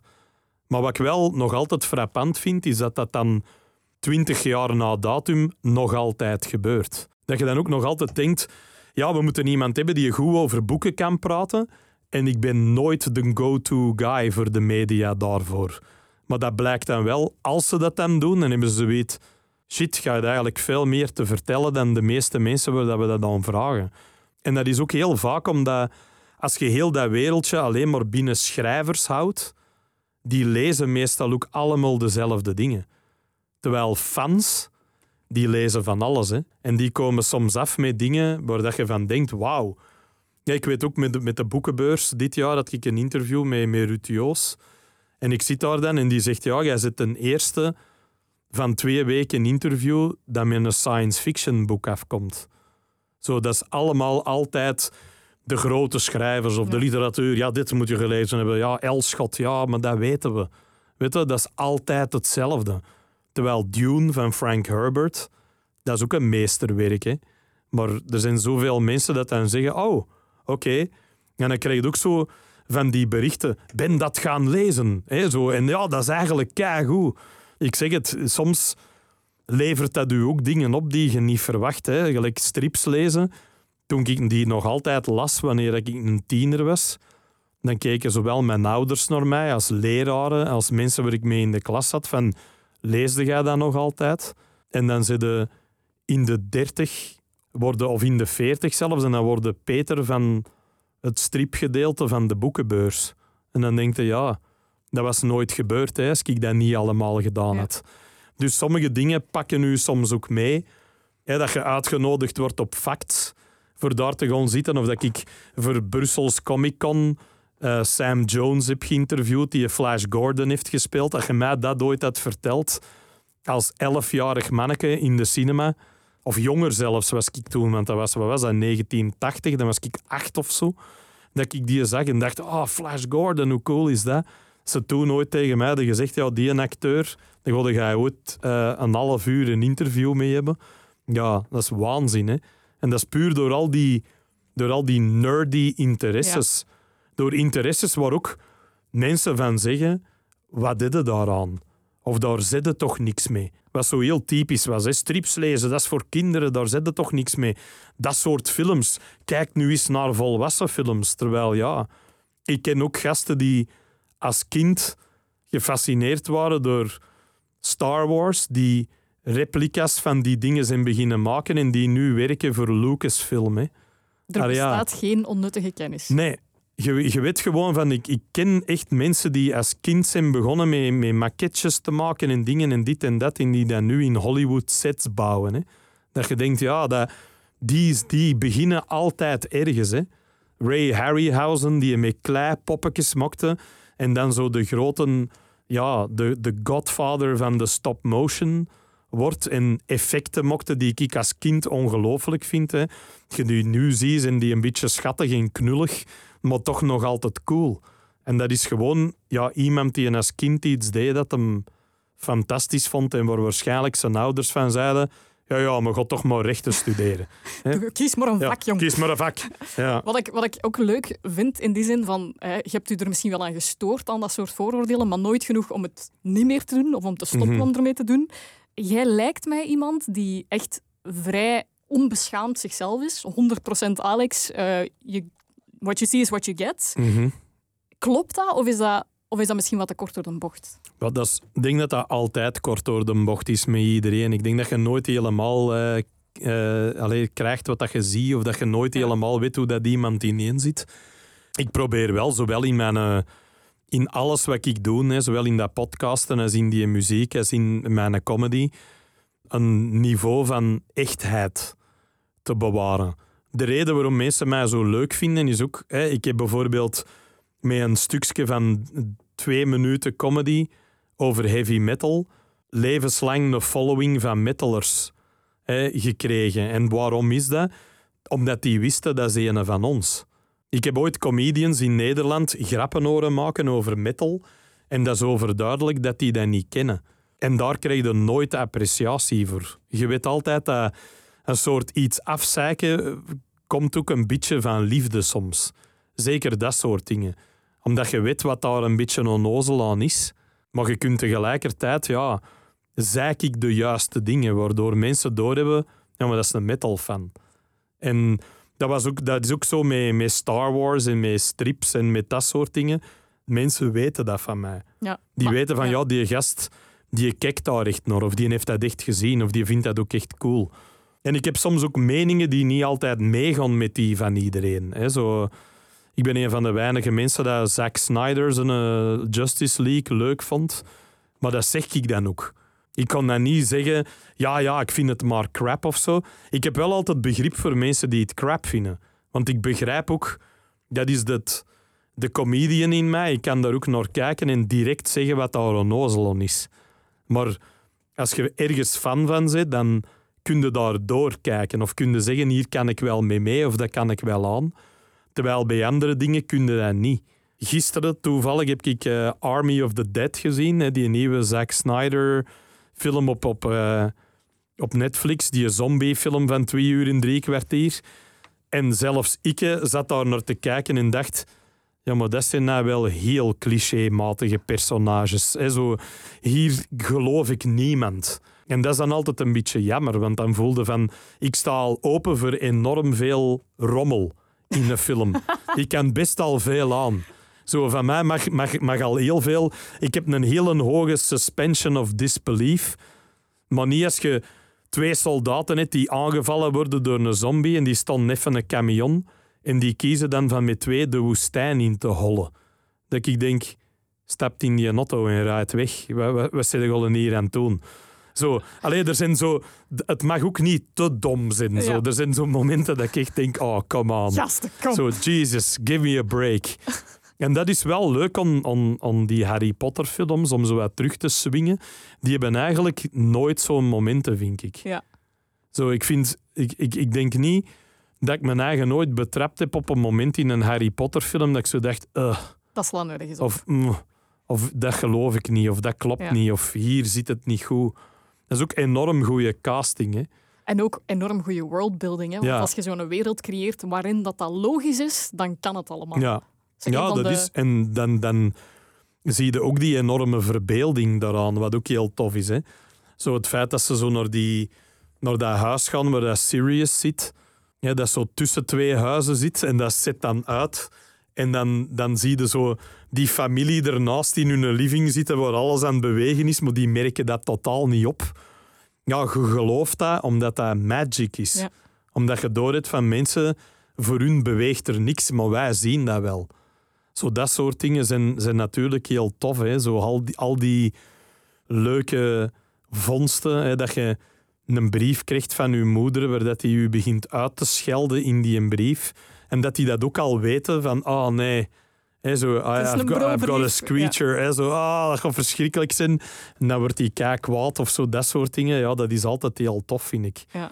Dat je die verbeelding ook, ook ziet. Ja, je draagt ook creativiteit ook heel hoog in het vaandel. Hè? Merkt ook, denk ik, ook in uw comedy. Die creativiteit, uw eigen ideeën, die moeten er wel in zitten. Echt. Ja, ja ik, denk, ik denk dat dat ook... eh, duidelijk was toen ik even auditie gedaan heb bij Herman Terling. Dan heb ik dat ook gedaan voor kleinkunst en niet voor, voor uh, toneel. Dat was ook direct duidelijk waarom. Zo, ik wou zelf iets schrijven. Ik wou zelf iets vertellen. Ik wou niet iemand anders een tekst opzeggen. Dat boeide mij niet. Van zo, ja, je moet leven brengen in woorden van iemand anders. Ik ben daar ook niet goed in. Ik kan alleen leven brengen in mijn eigen woorden. Daar, daar ben ik beter in. Dus ik had dat wel heel snel door dat dat was waar ik wel naartoe wou of zo. Of dat dat was wat het, wat het moest zijn. Wat ook in mijn comedy meteen een stap was die ik heel snel heb gemaakt, die bij sommige mensen jaren duurt. Hè. Sommige mensen zijn jarenlang op zoek naar wie ze zijn op een podium. En bij mij was het wel heel snel dat ik doordat ja, als ik ga praten over dingen die mij heel erg interesseren, dat, dat lijkt enorm persoonlijk, maar net door heel persoonlijk te gaan, gaat het vaak enorm universeel. Want je bent niet zo waanzinnig origineel. Hè. Zo de meeste van de gevoelens of gedachten die jij hebt, hebben andere mensen ook. Het is alleen, die stonden niet altijd bij stil. Of die hebben niet altijd de manier om dat te verwoorden. Maar als jij dat wel hebt, ja, enorm veel comedy drijft ook op herkenbaarheid. Als je praat tegen mensen die daadwerkelijk een brein hebben die dat zoveel verder staat dan de meeste mensen, als je die in een interview ziet, dat interview met, met Elon Musk bijvoorbeeld, met Joe Rogan, dan zie je de Joe Rogan soms er naar zitten kijken van ja, jij hebt hier tien stappen overgeslagen in uw uitleg. Ik ben eigenlijk niet mee wat dat jij zegt, maar voor hem is dat logisch. Als je dat hebt als comedian, ja, dan ga je weinig lach krijgen, want heel veel mensen gaan je stappen ook al niet snappen. We snappen je gedachteproces. Terwijl er moet ook een gedachteproces zijn dat die meekrijgen. Dat die weten van, ah ja, zo komt die daar. Het is alleen wat dat bij mij soms funny is, is dat, je, dat mensen denken ja, ik had nou nooit gedacht dat je van daar naar daar zou kunnen gaan. dat is een heel rare manier om, om met iets bepaald om te gaan. Maar je pakt ze wel mee. En dat is eigenlijk hetzelfde wat je zegt over, over die Harry Potter dingen. Het heeft uh, heel veel creativiteit, maar het moet zich ook wel onze, op een rare manier onze eigen regels houden. Dat moet dat ook doen. Want als dat dat niet doet, ja, dan klopt het ook niet meer. Dan gelooft het ook niet meer. Het is heel raar dat je toch in bepaalde complete fantasy kun je alles geloven en in andere dingen denkt je, ja nee, dat klopt niet. Ja, nee. Dat is heel, heel raar, hè? waarom dat, dat wel is en waarom niet. Maar dat zijn soms regels die je op voorhand een beetje krijgt.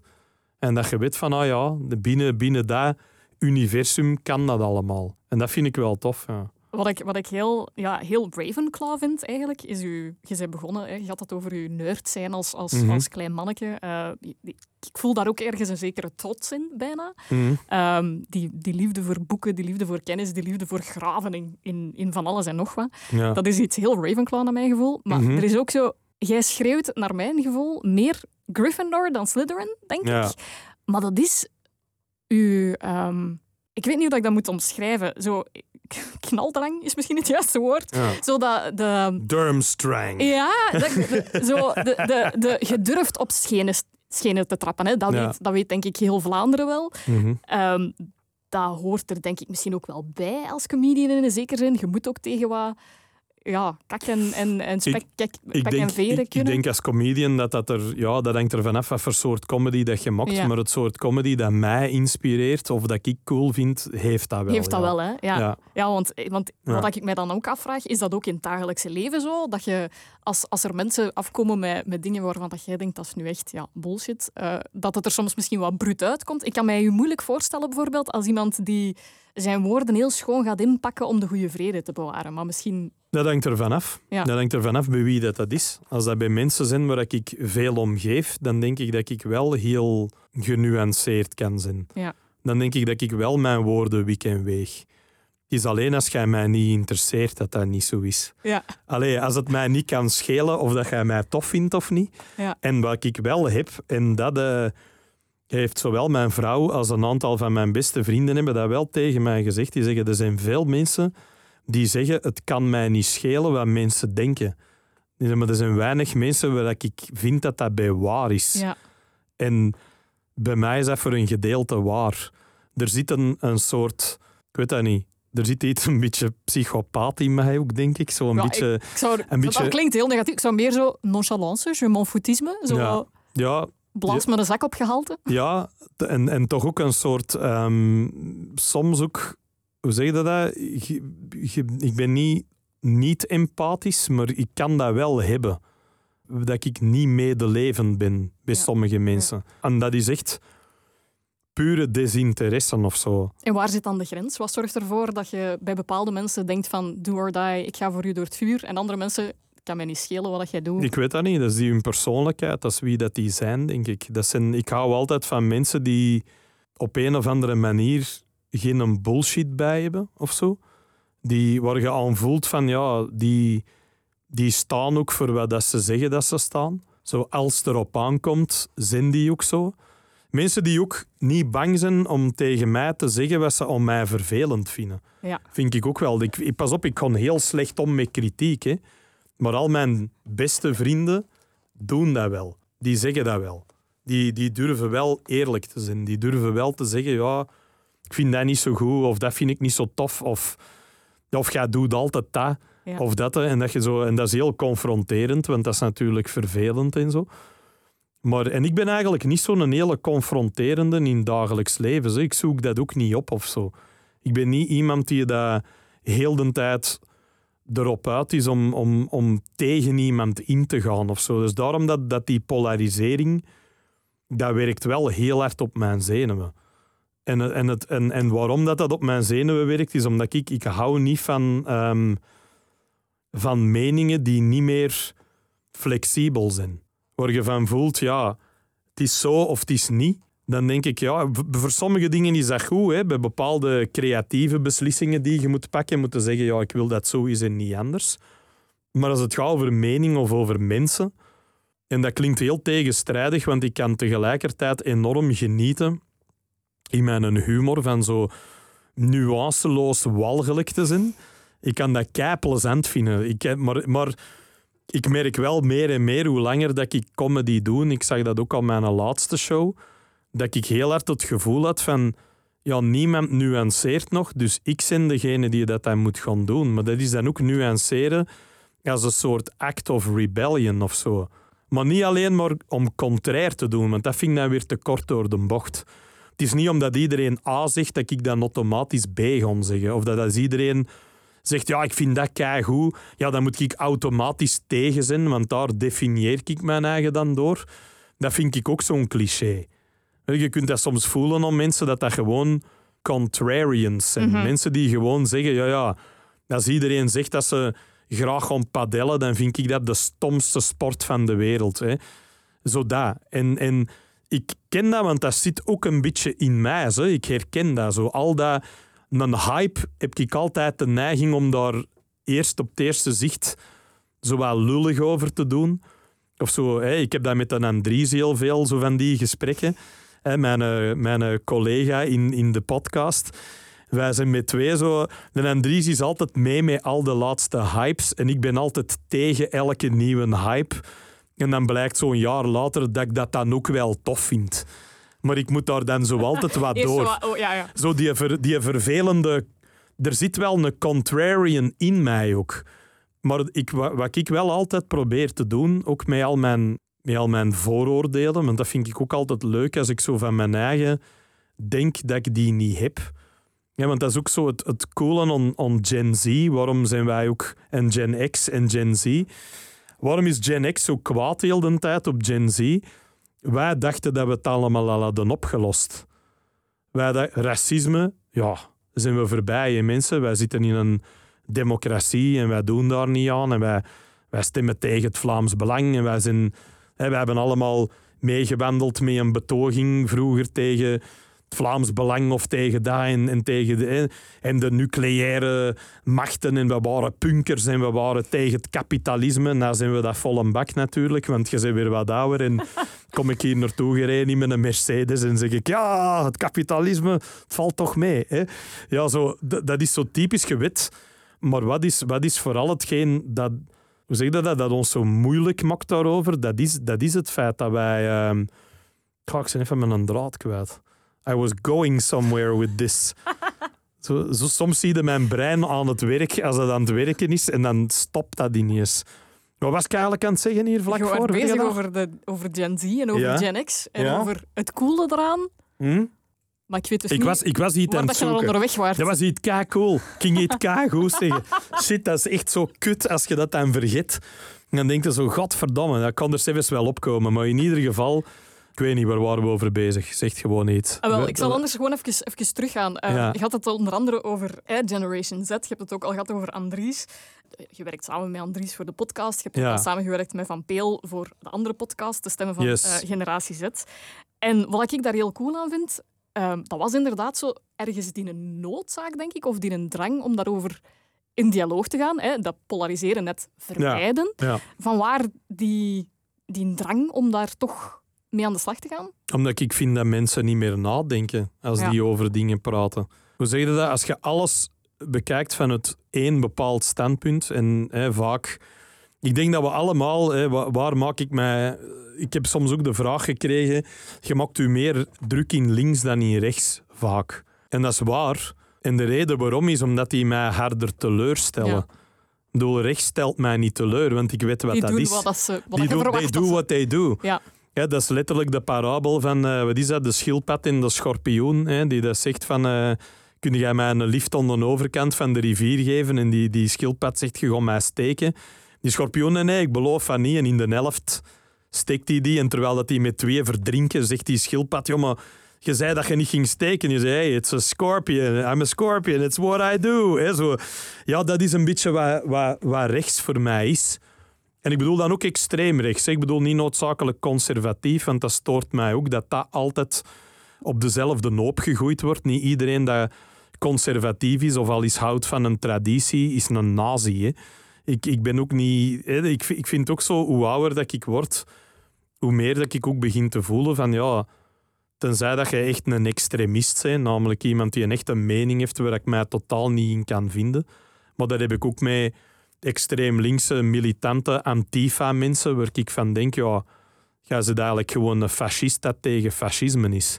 Dat is de ultieme ironie. Hè? Hetzelfde met heel veel van die dingen die nu uit Amerika komen, hè, waar je ook van voelt, van heel die woke cancel culture, al dat gezever. Waar we hier, van cancel culture kunnen we hier nog niet echt spreken, denk ik. Ik denk niet dat er echt iemand gecanceld is hier, maar je voelt wel net Sky dat sorry moet zeggen omdat hem zat met zijn vrienden de hakka danst. En dan denk ik, really? Zo, is dat, is dat waar we na... Hè, zo, ja, en ik, ik heb een cultuur beledigd. Ik denk, goh, die cultuur gaat dat wel aan kunnen. Ze. Het zijn vooral mensen die in de naam van die cultuur beledigd zijn. Terwijl een Nieuw-Zeelander lacht zijn eigen er waarschijnlijk mee kapot. Een Maori vindt dat 9 van de 10 grappig. Die denkt, allee, ziet die losers Ziet er staan. sukkel, ja. Ziet die sukkel. Ik zal het u eens laten zien hoe dat je dat moet doen. Hè, zo dat. Dus ik, ik, ik, wat, wat mij vooral, waar ik altijd het gevoel van heb, is, is ik kan natuurlijk ook al die mensen, kan ook allemaal gaan zeggen dat dat een bende debielen zijn. Dat is heel gemakkelijk om te zeggen. Hè. Oh ja, Gen Z, bende verwende post-millennial, self-entitled losers die vinden dat heel de wereld maar naar hun pijpen moet dansen en elk gevoel dat ze hebben, moet iedereen maar rekening mee houden en bla bla bla. Maar dan vind ik het altijd veel interessanter van dan te zeggen, ik kan eens babbelen met zo iemand. Zo, en waarom vind jij dat? En waarom is dat? En vaak gaan die dan ook wel dingen zeggen waar je van denkt, ja, dat, you've got a point. Ja. En dat, ja, dat was wat ik wou zeggen er straks. Dat, waarom dat, dat Gen Z'ers zo, zo, en Gen X'ers het zo moeilijk hebben. Gen X'ers hebben eigenlijk eh, racisme en seksisme opgelost. Hè. Dat vonden wij van onszelf. Ja. En ineens komen die jonge snaken tegen ons zeggen... Het is niet nee. waar. En, en, Actually. en dan doen die dat ook wel op een manier dat zo irritant is dat je die dood wilt. Hè? Want dat is dan wel het vervelende eraan. Dat je er zit en dat je denkt...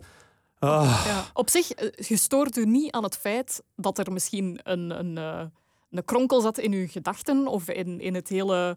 Er zat een flaw in your logic of zo, ondanks het feit dat je dacht, we hebben het allemaal opgelost. Daar stoort u niet aan, je u meer aan de manier waarop. Ja. ja, sowieso. Want je kunt... Ik vind de manier waarop is zelf zo belangrijk. En dat is onnozel, hè? want eigenlijk slaagt dat op niks. Eigenlijk komt het neer op je gelijk of je niet gelijk. Maar Soms is de manier waarop zo vervelend dat ik het oneens kan zijn met iemand waar ik het mee eens ben. Dat ik dat gewoon al niet wil aanpakken van die persoon. Mm. Omdat ik die zo vreselijk vind. Omdat ik denk van, op wat voor een manier zit je dat hier na aan het Ja. zeggen. Deze helpt niks vooruit. Plus ik vind ook wel heel veel van die... En dan heb ik het niet over, over ehm, bezig zijn met sociale issues of bezig zijn met, met bewegingen als Me Too of als Black Lives Matter of zo, waar je wel van merkt dat ook nog altijd wel nodig is. Je, je kunt niet zeggen van oh, we zijn er hier al en het is allemaal oké. Maar dat er dan aan de andere kant op zo'n ongelooflijk voze manier mee wordt omgegaan. Dat ik echt denk, maar deze, er, er wordt ook soms op zo'n heel enorm goede kope manier aan tussen aanhalingstekens, ik doe nu de funny rabbit ears eh, tussen aanhalingstekens move, activisme wordt gedaan. Waar ik wel van denk, dat is wel de luiste vorm van activisme die dat er bestaat. Hè. Tegelijkertijd, hè, een jong meisje dat er eigen druk maakt over kledingsvoorschriften op school, alle recht toe. Hè. Maar om van haar een grote strijder voor de gelijkheid te maken, dan denk ik dat is een masker dat een brief schreef, verontwaardigd was, want ze wil met een bikini naar school komen en die krijgt gelijk. Punt. Dat was de strijd. Hè. De strijd was niet iemand dat een bloemetje in een, in een M16 stikt hè, in de jaren 60 en eigenlijk staat voor iemand die met live kogels ervoor staat en zegt ga gewoon naar achteruit of we schieten al een overhoop hier in het park. Ja. En die doen een bloemetje erin en die zeggen nee, wij blijven hier staan. Sorry, dat is een ander soort activisme. Dus, dus ik, ik, ik heb wel... Zo activist is een heel goedkoop beroep geworden. Zo. Dat is heel... Iedereen is het als hem zoiets op zijn Instagram post. Ja, ik heb een vakje zwart gemaakt. Voilà, well done. Hè, zodat, de, Amerikanen hebben er zo'n mooie term voor, virtue signaling. Zo het aan iedereen laten zien hoe moreel rechtschapen dat jij bent. Terwijl dat ik denk, maar ga doen niks. Zo, woke is boos over van alles en nog wat. Die kunnen kwaad worden over ja, en, het dit nemen van Sam Bettens. En het was verschrikkelijk en gruwelijk. En in wat voor een wereld leven wij. Tegelijkertijd zijn mensen die nu een inburgeringsexamen moeten doen, die moeten nu 360 euro betalen. En dat, die, dat was gratis ervoor. En dat zijn mensen die niks hebben. Hè. Die als die dat geld moeten betalen, worden, die moeten afbetalingsplannen regelen om dat gedaan te krijgen. Mensen die hier naartoe komen, die een inburgeringsexamen willen doen, die, die asiel zoeken, die hier hè, een traject afleggen waar die Nederlands leren, waar die de, hè, de VDAB en Atlas en al die dingen doorlopen om Ja. hier te kunnen, die moeten na ineens veel geld betalen voor, voor dat te doen. En die, dat zijn meestal mensen die komen van... En dan denk ik, ja, we zitten woke. Ik hoor al niet, hè. Ja. Maar het- natuurlijk, wat ik u hoor zeggen is, we worden misschien verkeerd op de kwade... Wacht, hè, kwaad op de verkeerde dingen. Ja. Maar het is niet dat het één rampzalig is en gebeurt en slecht is, dat het ander minder belangrijk is, toch? Hè? Nee, maar dat doe wel. Wat ik wel vind is, eh, mensen, hè, dan, dat is ook zo'n term dat ze graag gebruiken, whataboutism. Ja. Maar dan kan ik wel zeggen, als je hier woont, ik kan heel veel delen in de wereld opnoemen waar dat je het veel meer kut gaat hebben. En als jij dat geen argument vindt, dan zie jij ook niet wat dat hier nog goed is. Ja. En dat stoort mij ook wel. De vergelijking van de jaren... De, de rechts dat, dat terug wilt naar de jaren 50 en links dat toe alsof dat we er nooit niet zijn uit weggerokt. Dat ik denk, er zijn wel grote verschillen. Hè? Zelfs vanuit mijn jonge tijd. Ik had onlangs een try-out in The Joker. En ik had zo'n heel leuk gesprek met een jonge gast die gay was. En die zat er zo met zijn vriend en met een vriendin. En die lieten ook vallen dat die alle drie wel eens samen van alles deden.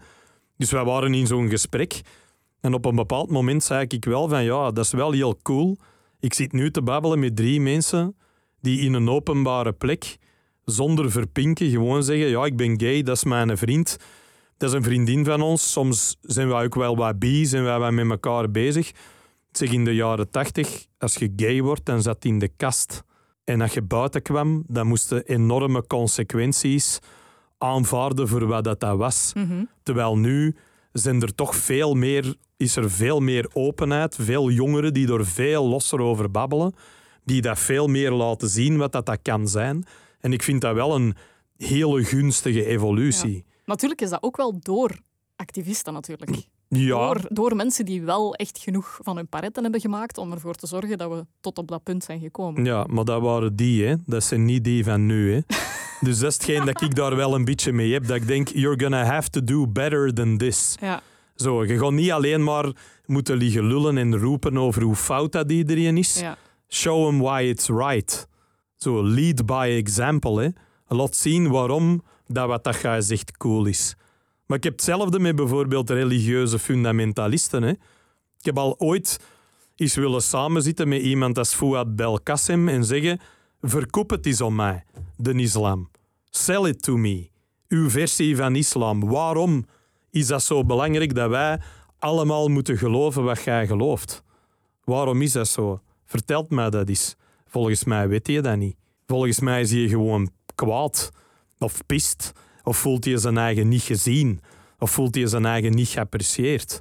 Wat bij veel van die woke jongeren ook zo is. Hè. Dat vertrekt altijd vanuit een soort pijn. Hè. Vanuit een Ja. soort gezien mij niet. Zo, ik ben hier en ik ben ook belangrijk. Ik doe er Maar ook dan toe. snapt, ook, dan snapt toch ook de kwaadheid die dat daarachter zit. Of Ja, de- de- tuurlijk, ja. tuurlijk snap ik die kwaadheid. Maar, maar ik hou meer van... Want u, eh, uw fulmineren daartegen, is dat Ja. dan vanuit een bepaald gevoel van rechtvaardigheid? Of stop een keer met neuten? Of, of waar zit dat dan? Wa- waarom? Ehm, dat zit, dat zo- zit in, een, in, een, in een... Ik kan dat misschien heel gemakkelijk zeggen.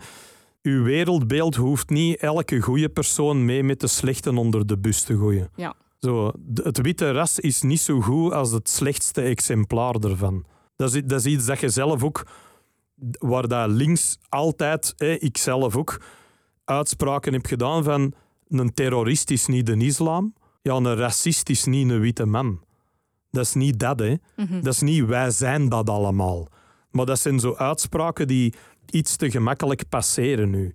Waar ik van denk dat er wordt een beetje te weinig... En als er gereageerd wordt, is het altijd ja, door Dries van Langenhoven of in Amerika door de Proud Boys.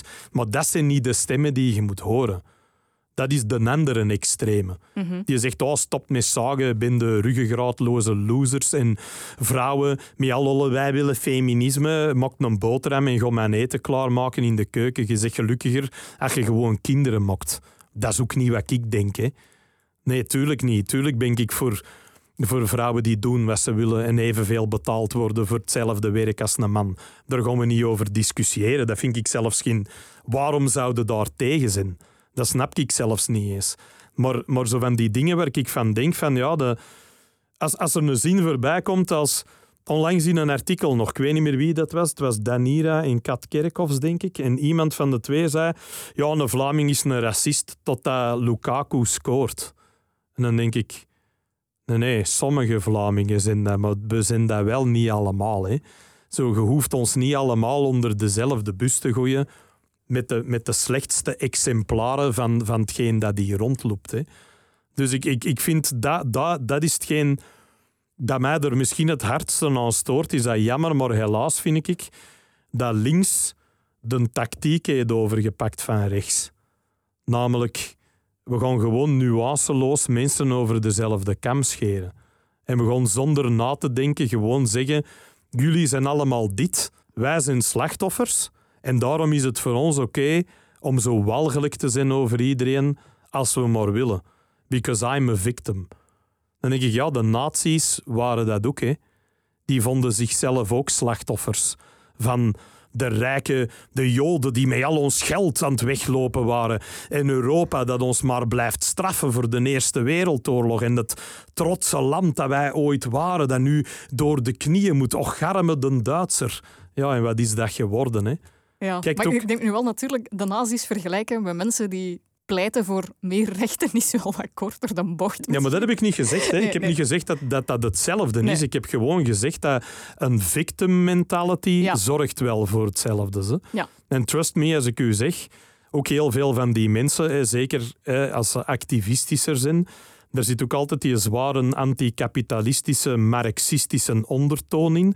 Ik denk dat de geschiedenis al wel heeft uitgewezen dat that's not the way to go either. Hè.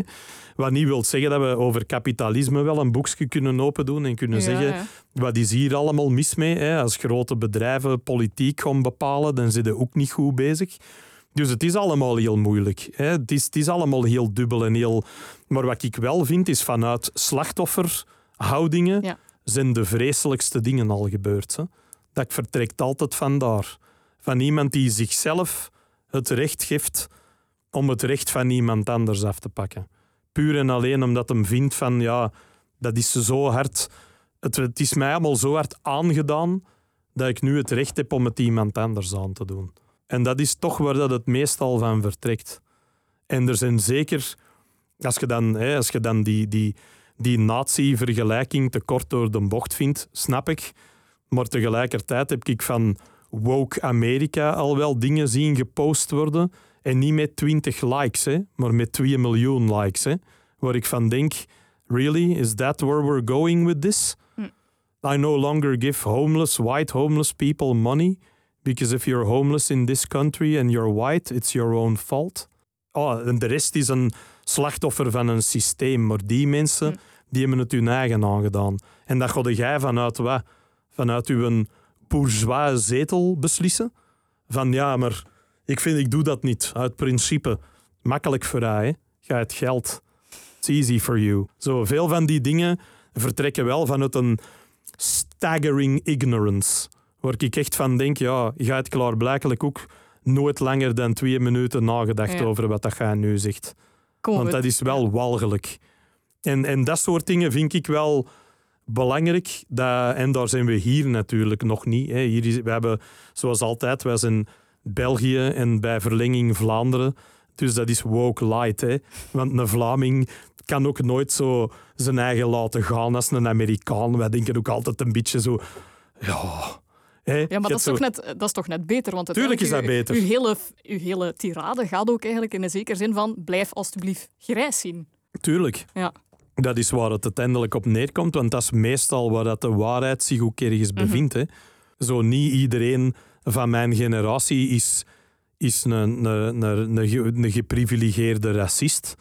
Maar tegelijkertijd, waarom storen die mensen ons? Ook wel omwille van het feit dat wij zo zelfgenoegzaam waren van in ons eigen leven te denken, het is toch allemaal in orde. Ja. Terwijl en dat, dat er er dan iemand wel op wijst dat er dan zeggen, mensen zijn die zeggen: Wow, eh, dat is niet helemaal waar. Hè, zo. En dat, dat wilde niet horen, Nee, want dat is niet leuk. dat is hè, want dat, dat is zo: hey, hey, nee, nee, dat zijn die mensen, hè, dat zijn ik niet.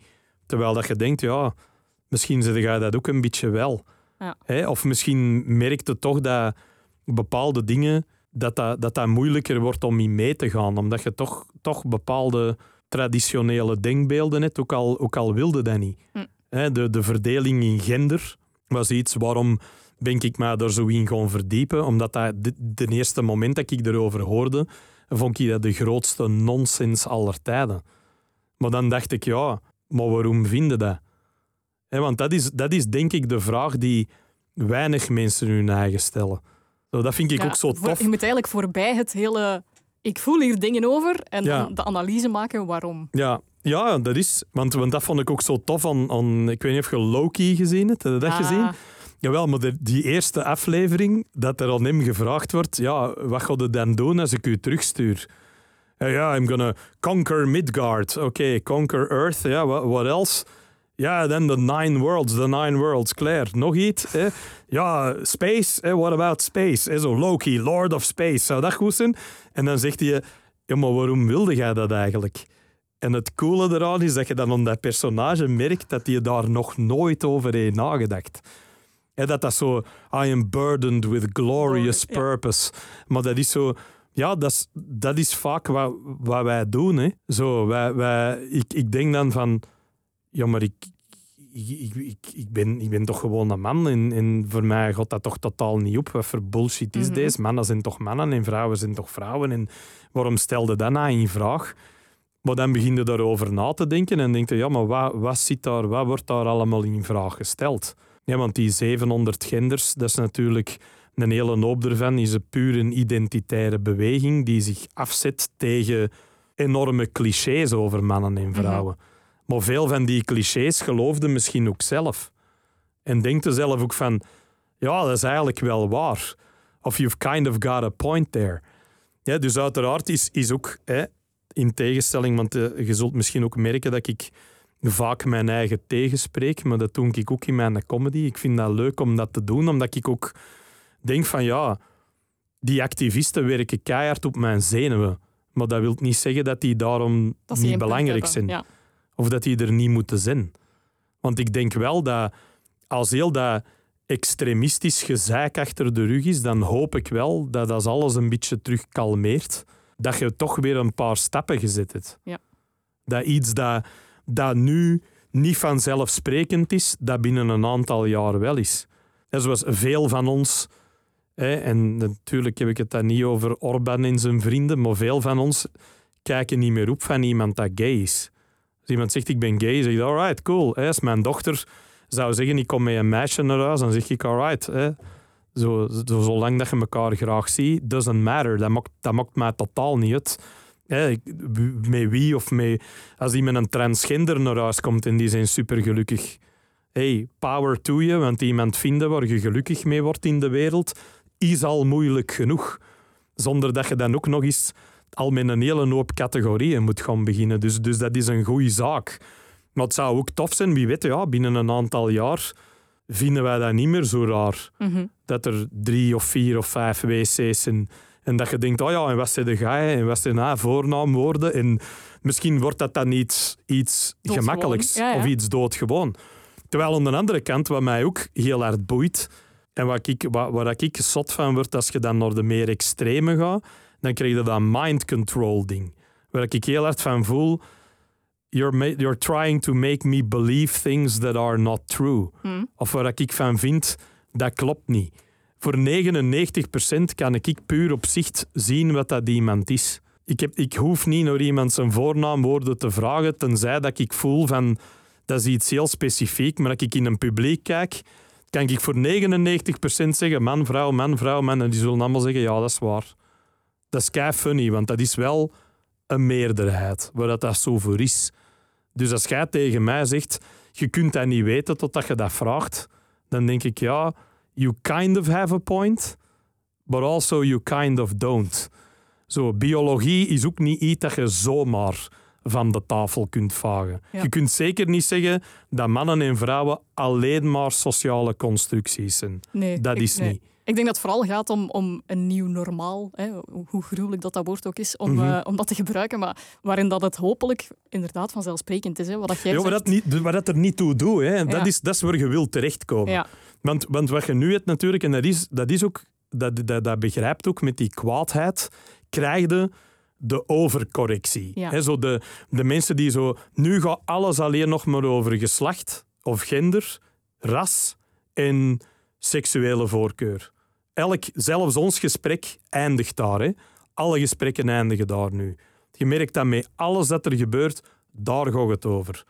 En je denkt, ja, dat is goed, maar ik hoop ook dat we daar zoveel over zagen dat we het allemaal meer zijn. nodig is. Ja. En dat we na een tijd gewoon zeggen, goed Claire, dat hebben we gehad, daar gaan we het nu niet Maar meer over altijd, hebben. hè. dat is met Dat een, met balans. Hè. En je Ja. hebt op een gegeven moment inderdaad, ik denk dat een balans misschien nu inderdaad wat scheef is en dat die hopelijk zich gaat corrigeren op, Mhm. een, op een moment. Maar ik denk ook dat dat getoeter en het lawaait en wat jij dan eh, woke culture noemt, dat dat misschien ook nodig is om er voorbij de Mhm. Ja, woke kant... culture is een gemakkelijke naam. Hè. Ja. Dat is zoiets, hè. Je, weet, je, je weet ook dat niet iedereen dat woke is, is zo'n eikel. Nee, en dat wordt ook ook niet over. alleen maar pejoratief gebruikt. Ja, Hè. Dat, wordt, ja. dat wordt nooit... Ja, terwijl in het begin was dat helemaal niet. Nee. Toen in het begin, hè, want ik ben bijvoorbeeld de eerste keer dat ik ooit geconfronteerd werd met dat, met dat woord, was toen ik eh, op de 70.000 tons of metal boot zat en een Amerikaan tegen mij kwam zeggen dat hij mij een band keigoed vond en dat hem zei, ja, I love your woke lyrics, man. So you see, you see like systems and you see like things and oppression. En, en toen had ik zoiets, ah, cool, alright, woke, hè, tof. En dat is dan zo, ja, geëvolueerd naar dat, ja, die geuzennaam dat dat nu geworden is. Ja. Hè? Dat scheldwoord hè? Ja. dat je tegen iemand gebruikt. Dus ik besef ook dat dat niet helemaal eerlijk is. Hè? Als je dat ook zo zegt op die manier.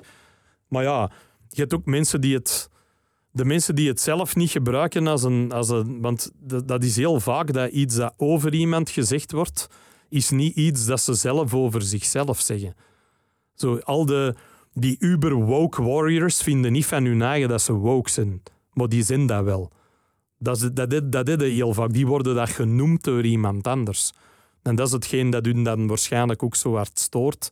Wat ik ook wel snap, want niemand krijgt graag een etiketje Nee. opgeplakt door iemand anders. Nee, en ik kan mij ook de vermoeidheid voorstellen dat je gewoon denkt, hallo, ja, ik ben gewoon bi, trans, eender wat eigenlijk, Ja. in, in, in gewoon een community. En ik wil gewoon mijn rechten, waarom ben ik dan plots een wokie of zoiets? Ja. Ik kan mij ook voorstellen dat je daar een zekere vermoeidheid in ervaart. Ja. Ja, dat is. Maar, maar dat, dat is hetzelfde gelijk dat ze ook kunnen zeggen tegen... Hè, zo van, hè, bijvoorbeeld zo die, die hè, ook weer meer in Amerika dan hier, zo de, de, de witte man van zwijgt na maar Ja. even. Hè, het is na aan ons.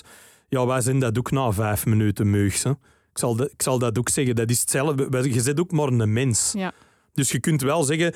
Ja, historisch gezien moet ik nu beseffen dat eh, ik altijd het woord heb gehad. Alex. En daarom ga ik hier nu maar even zitten en ik ga jullie laten praten en van alles laten zeggen. En ik ga knikken en op de juiste momenten het met jullie eens zijn. En dan ziet die een andere stem in mij.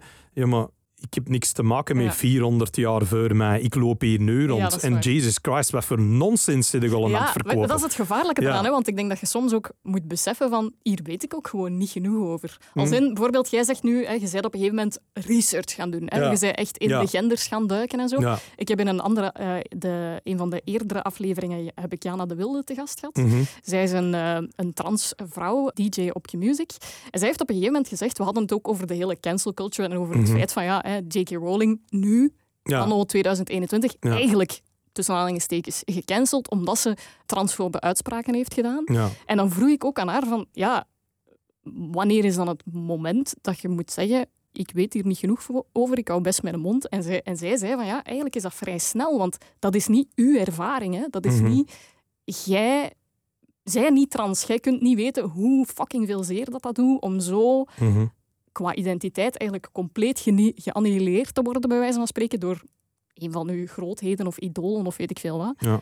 Dus dat, dat zit er dan ook wel ergens in. Dat, je, dat- dat er, toch op, er is toch een bepaald moment dat wij moeten weten of beseffen of ervaren inderdaad van, ah ja, wij zijn in ons geval blank, jij bent een man of ik Mhm. ben een middenklasse vrouw of whatever. Mhm. Dat er een- dingen zijn waar dat wij inderdaad niet veel over te zeggen hebben. Ja, maar aan de andere kant belet dat mensen die ook niet weten wie dat wij zijn, totaal niet om daar gewoon een mening over te Ja. hebben die nergens op slaagt. Hè. Dat is waar. Het is heel funny om te zeggen, you don't have my lived experience. En ik heb zoiets, ja, you don't have mine either. Ja. Dus ik zou het ook heel tof vinden dat je voor mij de rekening niet mocht.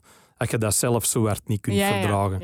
Hè, de- de- en ik bedoel daarmee, tuurlijk snap ik, er wordt gemakkelijk verondersteld en ook niet volledig onterecht. Ja, je bent een witte man, dus je hebt een hoop voordelen. Ja, ik wel, maar niet iedereen. Hè. Niet iedereen dat wit is en een man. Het is ook niet, het is ook niet alsof dat ik zo de, de baarmoeder van mijn, van, hè, van, mijn, van mijn mama ben uitgesurfd, los dat podium van het sportpaleis op. Want ze zei, ah, hier, de witte hetero-man, kom maar binnen. Uw sportpaleis staat klaar, Alex. Iedereen heeft zijn weg afgelegd. Ja. Hè. Je hebt allemaal tegenslagen gehad. Je hebt allemaal momenten. Je weet ook niet wat dat ik allemaal heb meegemaakt. Dus, dus de dingen zijn... Natuurlijk kan ik niet weten wat het is om in een land waar overwegend de meeste mensen eruit zien gelijk mij, om dan racistisch behandeld te worden. Dat gebeurt niet. Hè? Dan denkt je, oké, ja, dat, is, dat, kan ik, dat kan ik niet voor u bepalen. Oei, ik, ik kan ook niet zeggen, och, daar heb je toch geen last van. Hè, zo dat, want dat Ja, vond ik dat- een van de ja. leukste dingen van een, een goede vriendin van mij, die, ehm, die van kleur is en die ook tegen mij zei, want die kwam, die kwam, eh, die kwam met mij praten over dat hij dat die met comedy wou doen en dat hij dat die bepaalde onderwerpen wou aansnijden. En ik zeg, ja, maar waarom vraag jij dat eigenlijk om mij? Ik zeg, ik, ik ben eigenlijk totaal niet de gast die dat, dat tegen u moet zeggen op dat vlak, over de dingen waar jij over wilt praten. En ze zegt, ja, nee, maar dat is omdat jij mijn ervaring nooit niet hebt ontkend. Ze zei, ik vertel dat ik ergens racistisch behandeld ben, heb jij nooit gezegd, ach, dat zit maar in uw kop. Ja. Of, oh, maar die zal dat wel niet zo bedoeld hebben. Nee, dan heb ik altijd gezegd, really, shit, en wat was dat dan? En wat zei je dan? En hoe kwam dat dan? En, en dan kan ik wel zeggen, ja, denk je dat hij dat zo bedoeld heeft? Of had je echt het gevoel dat hij dat op die manier wou? Dus je hebt er een gesprek mee. Maar dat is wederom wat dat, allee, dat, het ultieme pleidooi voor de podcast. Hè. Het gesprek. Het gesprek. Als je een gesprek met elkaar voert, dan kom je meestal heel ver. Er is niemand dat hier kan komen zitten, waar dat je, als je er twee, drie uur mee babbelt, en die, die, heeft, die laat iets van zichzelf zien, want dat is natuurlijk wel... En dat is daarom... Bijvoorbeeld heb ik met een Andries altijd besloten van geen politici te doen. Ja, Omdat je merkt, wel zijn. die praten, over, die praten voor een achterban. Hè. Die praten ook niet alleen voor zichzelf. They always have to toe the party line. Ja. En dat boeit mij niet. De enige keer dat ik iemand zou uitnodigen, is dat ik zou zeggen, hè, bij wijze van spreken, we gaan babbelen met Bart de Wever over Gladiator. Want dat is die zijn favoriete Ja. film. En dan babbelde daar alleen, Alleen maar maar over. over, ja. En dat gaat niet over politiek, maar dat gaat niet lukken. Want je weet sowieso dat die Dat- altijd nee, want dat gaan die dat- dat erin duwen of gaan die iets zeggen, en waardoor je dat je weet denkt... op voorhand wat het de parlega's zijn. Ja, En ze- dat is ja. ook gelijk met Dries van Langenhoven. Hè. Dat hebben ze ook al vaak gevraagd. Waarom vraagde die niet op uw podcast? En dan denk ik, omdat ik weet wat die gaat zeggen. Ja. Dat interesseert mij niet. Wat mij meer interesseert, zou een jonge gast zijn. Dat zegt, weet je, ik ben aan het twijfelen, maar ik heb... Je ziet in mij, ik heb precies de neiging om bij Schild en Vrienden te gaan. Of zo. Want ik ben dat kotsbeu. Al dat dit en al dat dat. Mm. En dat ik dan kan zeggen, ja, waarom? Waarom zouden dat doen? Waarom vinden dat een goed idee? Wat, wat, wat trekt u eraan aan? Wat is hetgeen waar dat jij, waardoor dat jij dat vindt dat dat een goed idee is? Of waarom dat, welke ideeën spreken u aan? Wat vind je zo vervelend dat je daar tegen bent? Of wat, wat, wat denkt je dat... Wat vind je zo dierbaar aan deze cultuur dat je niet kwijt wilt geraken? Of wat, waar zit je bang voor? Zo dat. En als iemand daar eerlijk over kan zijn, dan gaat een keigoed gesprek hebben. Want dan gaat ook doorhebben dat dat ook geen klootzak is. Maar dat dat iemand is dat gewoon... Hè, zijn, nu, zijn nu een jonge gast in Amerika. Waarom zit dan een proud boy? Ja, omdat je in elk een boek moet lezen dat the white man is wrong about everything. Ja, dan denkt. En dan hebben die andere gasten aan de andere kant. Nee, nee, nee, nee, nee. Je moet er fier op zijn. We built this nation. Ja. Al de rest zijn allemaal maar wat parasieten die van ons komen profiteren. The freedom. Freedom. We have freedom. No one else has freedom. Terwijl dat je denkt, do you really? Want laten we eerlijk zijn, Amerika is echt de grootste joke waar heel de wereld lang in getrapt is. Maar na een tijd heb door van, ja, tuurlijk, het is ook maar wat het is. Namelijk mensen die, die heel... niemand wil van zijn eigen horen dat hem de bad guy is. Ja. Iedereen wil horen, ja, maar nee, ik ben toch oké en wat is dat nou? En ik doe toch niks En verkeerd. als je dat te vaak hoort, dan denk je, fuck it. Dan denk je, go fuck yourself. Ja. En dan zit het tegen mensen waar je eigenlijk misschien in principe nog veel meer gemeen mee hebt dan dat je zou dan dat denken. je denkt. En dat is, dat is iets dat, dat ik altijd denk, ja, dat, dat is misschien het enige dat ik kan zeggen van, van Harry Potter, om na eens even graaf terug te gaan. Wat ik een klein beetje miste aan Voldemort, was die is, een, die, is een, aspect. die is een aspect Ja. van waarom doe ik deze. Je hebt dat een beetje. Als je hem als jong manneke ziet. Hè. Je ziet Dumbledore binnengaan en hij is heel... hij- Het is een enorm talent. En iedereen heeft door, ja, deze kan misschien een great wizard worden. Maar die is alleen. Hè. En ik denk dat dat misschien dat ding was bij hem, dat hij altijd zoiets had van... Ik zit hier als klein manneke in zo'n weeshuis te zitten. Komt die rare vent tegen mij zeggen, ga maar mee naar die toverschool. Blijk, blijkt dat ik er kei goed in ben. Maar ik heb geen vrienden. En ik heb niemand dat mij echt graag ziet. Maar ik kan wel goed manipuleren. Ik heb al wel gemerkt dat ik mensen tegen hun goesting dingen kan laten doen. Ja, mensen gaan, gaan macht zoeken waar ze het kunnen vinden. Iedereen wil een soort macht over zijn eigen leven. En bij sommige mensen is dat door macht uit te oefenen over uzelf en over uw leven en over wat dat gaat doen. En beslissingsrecht, dat zijn mensen die ook de meest vreselijke omstandigheden kunnen ontgroeien. Hè. Mensen die arm kunnen geboren zijn, maar een doorzettingsvermogen, een talent, een visie hebben. Oprah Winfrey, straatarm, zwarte vrouw in Amerika. Ja, een van de machtigste mensen in medialand nu. Single-minded, hij heeft zo de power gehaald uit zichzelf. Je hebt andere mensen die dat doen door macht uit te oefenen op andere mensen. Hè. Die zeggen, oh, maar dat kan ik. Zo, ik heb niet altijd controle over mij, maar ik kan dat wel inmen over u. En dan, ja, dan krijg je soms niet zo'n heel coole dingen. Ja.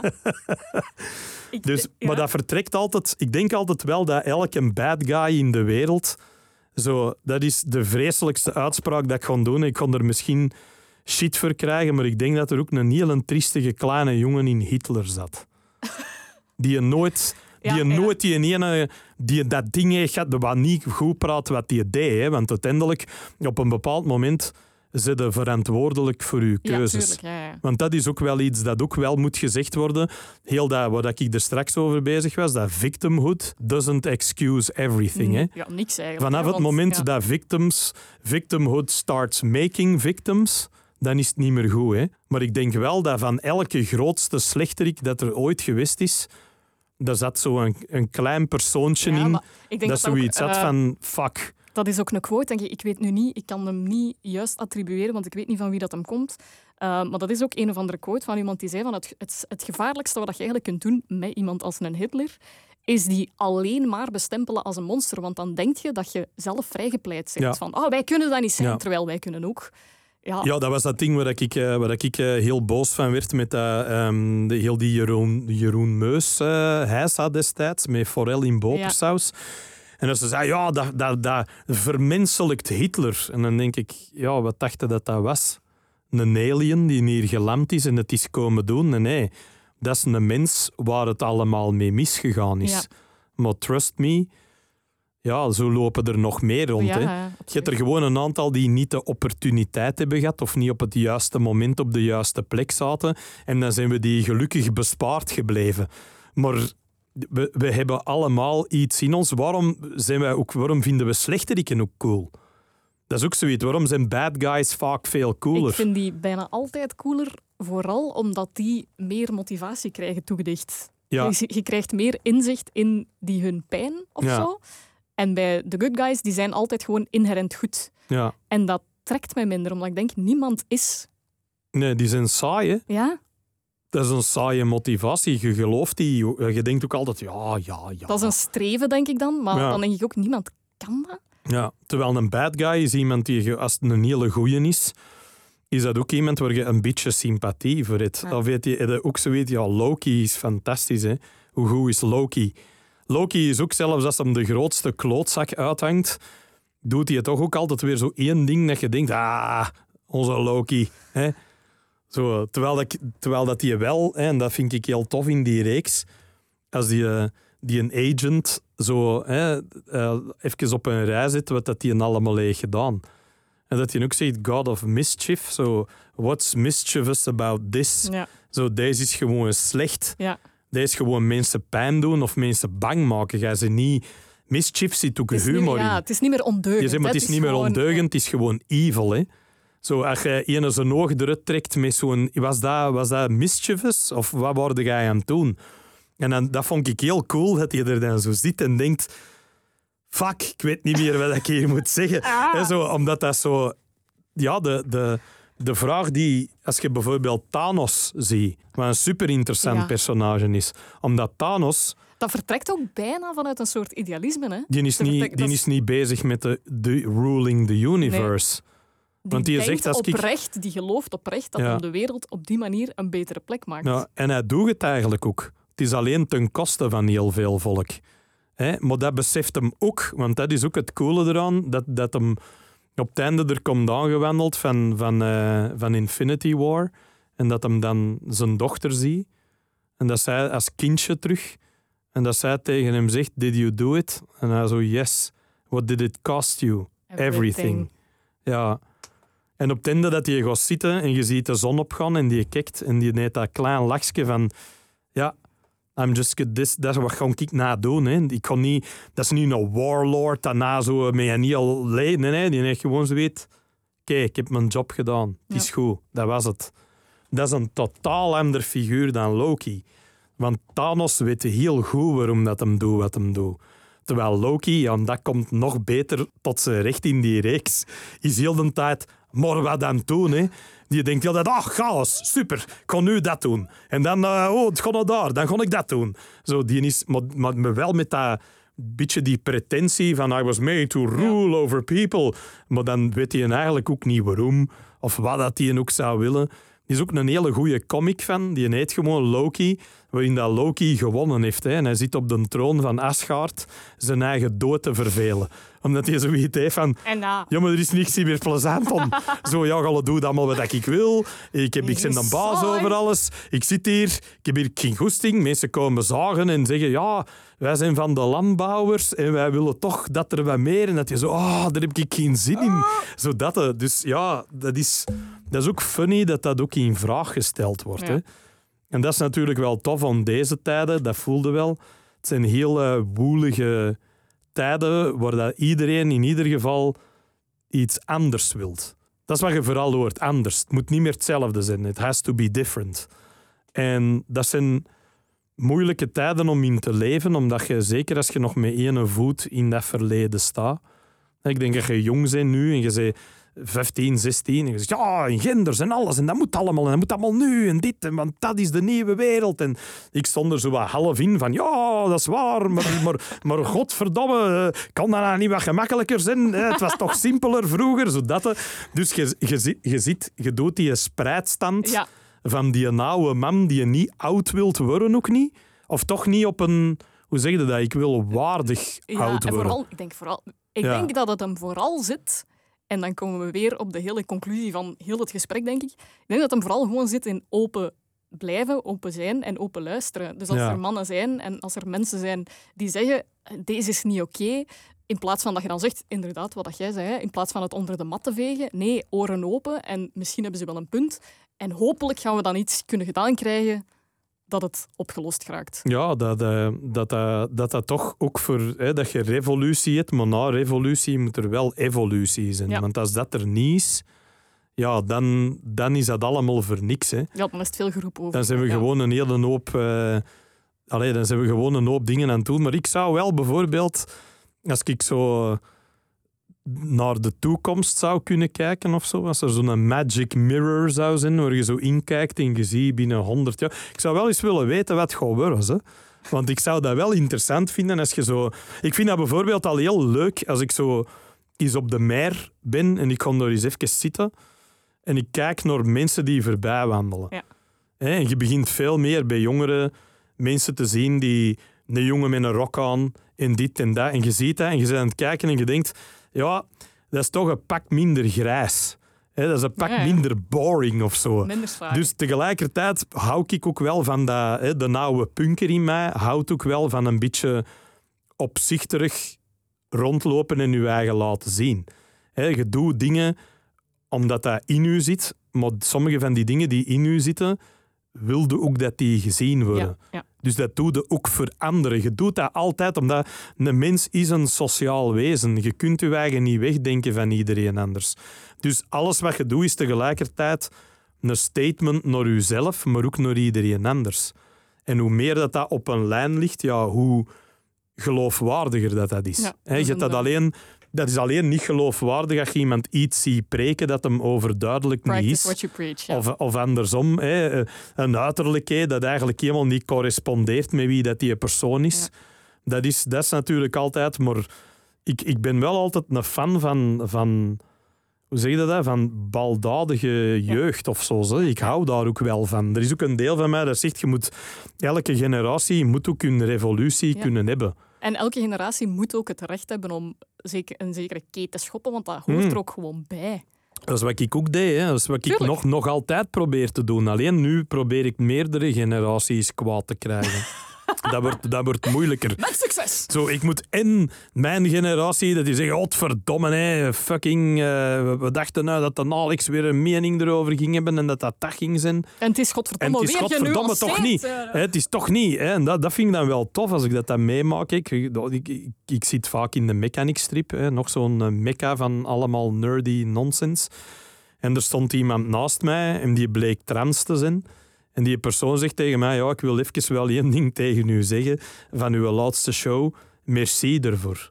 Die zei, want ik had niet... Ik had verwacht, die gaat, die gaat daarop kappen en die gaat dat belachelijk maken en jij doet dat niet. Die zei, maar jij zegt wel dingen dat ik denk, ah, shit, ja, hier heet, hem, hier hem ons wel een beetje. Maar de dingen die dat je wel zegt, die er, die ertoe doen, is wel dat je iemand zegt dat zegt, ja, ja, het is evolutie, hè, mannetjes. We, Ja. gaan, we gaan ergens naartoe. En evolutie is ook niet altijd, gaat ook niet altijd noodzakelijk in de richting dat voor u het gemakkelijkste is.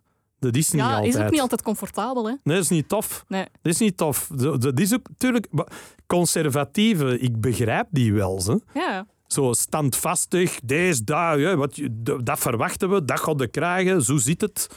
En, en, en, en dat bedoel ik ook niet op een manier dat dat dom is. Want ik vind ook niet dat, dat mensen die conservatief zijn per se dom zijn. Ze.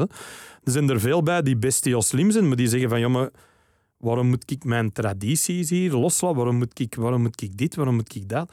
En dan denk ik ook, ja, ja, sommige dingen zijn gewoon gemakkelijk als ze niet veranderen. Mm. Het enige probleem is dat je moet deur hebben dat als jij bijvoorbeeld zegt, ach, de jaren 50, dat was tenminste een tijd. Ja, voor haar wel. Ja, inderdaad. Zo, voor, voor, voor, Expo 58, er maar- zaten voor- nog negers in kooien. Ik weet ja, het niet, maar... die zaten nog van achter op de bus waar ze thuis hoorden. Hè, zo, maar, dat, maar dan denk ik ook, ja, snap je, zo die, die going back in a time machine Ja. is, ook, is ook voor sommige mensen alleen maar goed. Hè.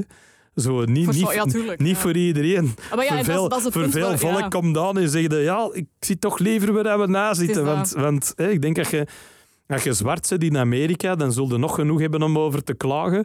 Maar dan wil je toch niet zwart zijn in de jaren 60 of in de jaren 40 of in de jaren 1800. En dan is Die- inderdaad maar de hoop dat wat dat jij zegt hè, over 100 jaar, dat je daar dan wel die stappen hebt gezet. Hè. Ik denk dat wel, maar ik denk dat er dan nog altijd andere Maar ja, problemen gaan zijn. Dan gaat er nog altijd gezeken worden over van alles en nog wat. Maar dan, ik hoop wel altijd dat het gezeik zo wat opschuift. Allee, dat je zo wel denkt, hopelijk moeten we daar niet nog heel de tijd mee bezig zijn. Het gevaarlijke is, ik, we gaan er fout vaak vanuit, als je de geschiedenis bestudeert, ga je er vaak vanuit dat we een progressieve lijn maken. Maar dat is niet waar. Hè. Mhm. Geschiedenis is ook cyclisch en we kunnen ook nog altijd terug. Dus de mensen die zich kwaad maken, ja, dat is ook vanuit een bepaalde schrik om terug te keren. Hè. Inderdaad, Mhm. naar de jaren 50, waarbij dat er nog mensen Ja, ja, ja. in kooien zaten opgesloten of waarin dat vrouwen niet dat konden de, dat de vrees of- niet volledig ongegrond is als je ziet wat er in Hongarije Voilà. gebeurt. Maar weet ook, ja, de- de- wat dat, dat ook altijd is natuurlijk, als de slinger naar de ene kant gaat, every action has an equal and opposite, Opposite reaction. Dus je krijgt natuurlijk ook veel meer mensen die dat dan ook veel extremer gaan reageren in de andere richting. Mhm. En dat wilde natuurlijk ook niet. Want het kan ook op die manier. Je kunt ook naar die spiegel in de toekomst kijken en kijken naar 1984. Hè? Ja. En zoiets hebben van holy shit, waar zitten wij hier? Zo, het it could get worse. Ja, ja, absoluut. Kan Ja. natuurlijk altijd, dus, dus je weet het ook niet. En, en we kennen ook zo weinig echt geschiedenis ook. Laten we eerlijk zijn, hoeveel geschiedenis kende. Er wordt geschat voor de laatste bevindingen dat wij hier minstens al 300.000 jaar rondlopen. En we kennen geschiedenis tot wat? 10.000 jaar terug? Echt, dat je weet van Mm. civilisaties en hoe zat dat? En dan weten we nog veel niet. Dan is het nog veel invullen en guessing en naar het schijnt en we denken wel en volgens geschriften hier en woorden van den die. Maar er zijn zoveel dingen die wij niet weten. Ik zou dat wel eens mij afvragen, hoe heeft dat er toen echt uitgezien?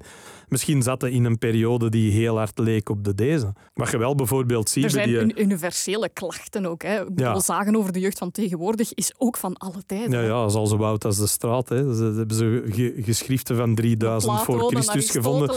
Die zeiden van, ach, die, de jeugd. die hebben geen respect meer. Niks snappen niks meer. Onze, onze waarden en onze normen.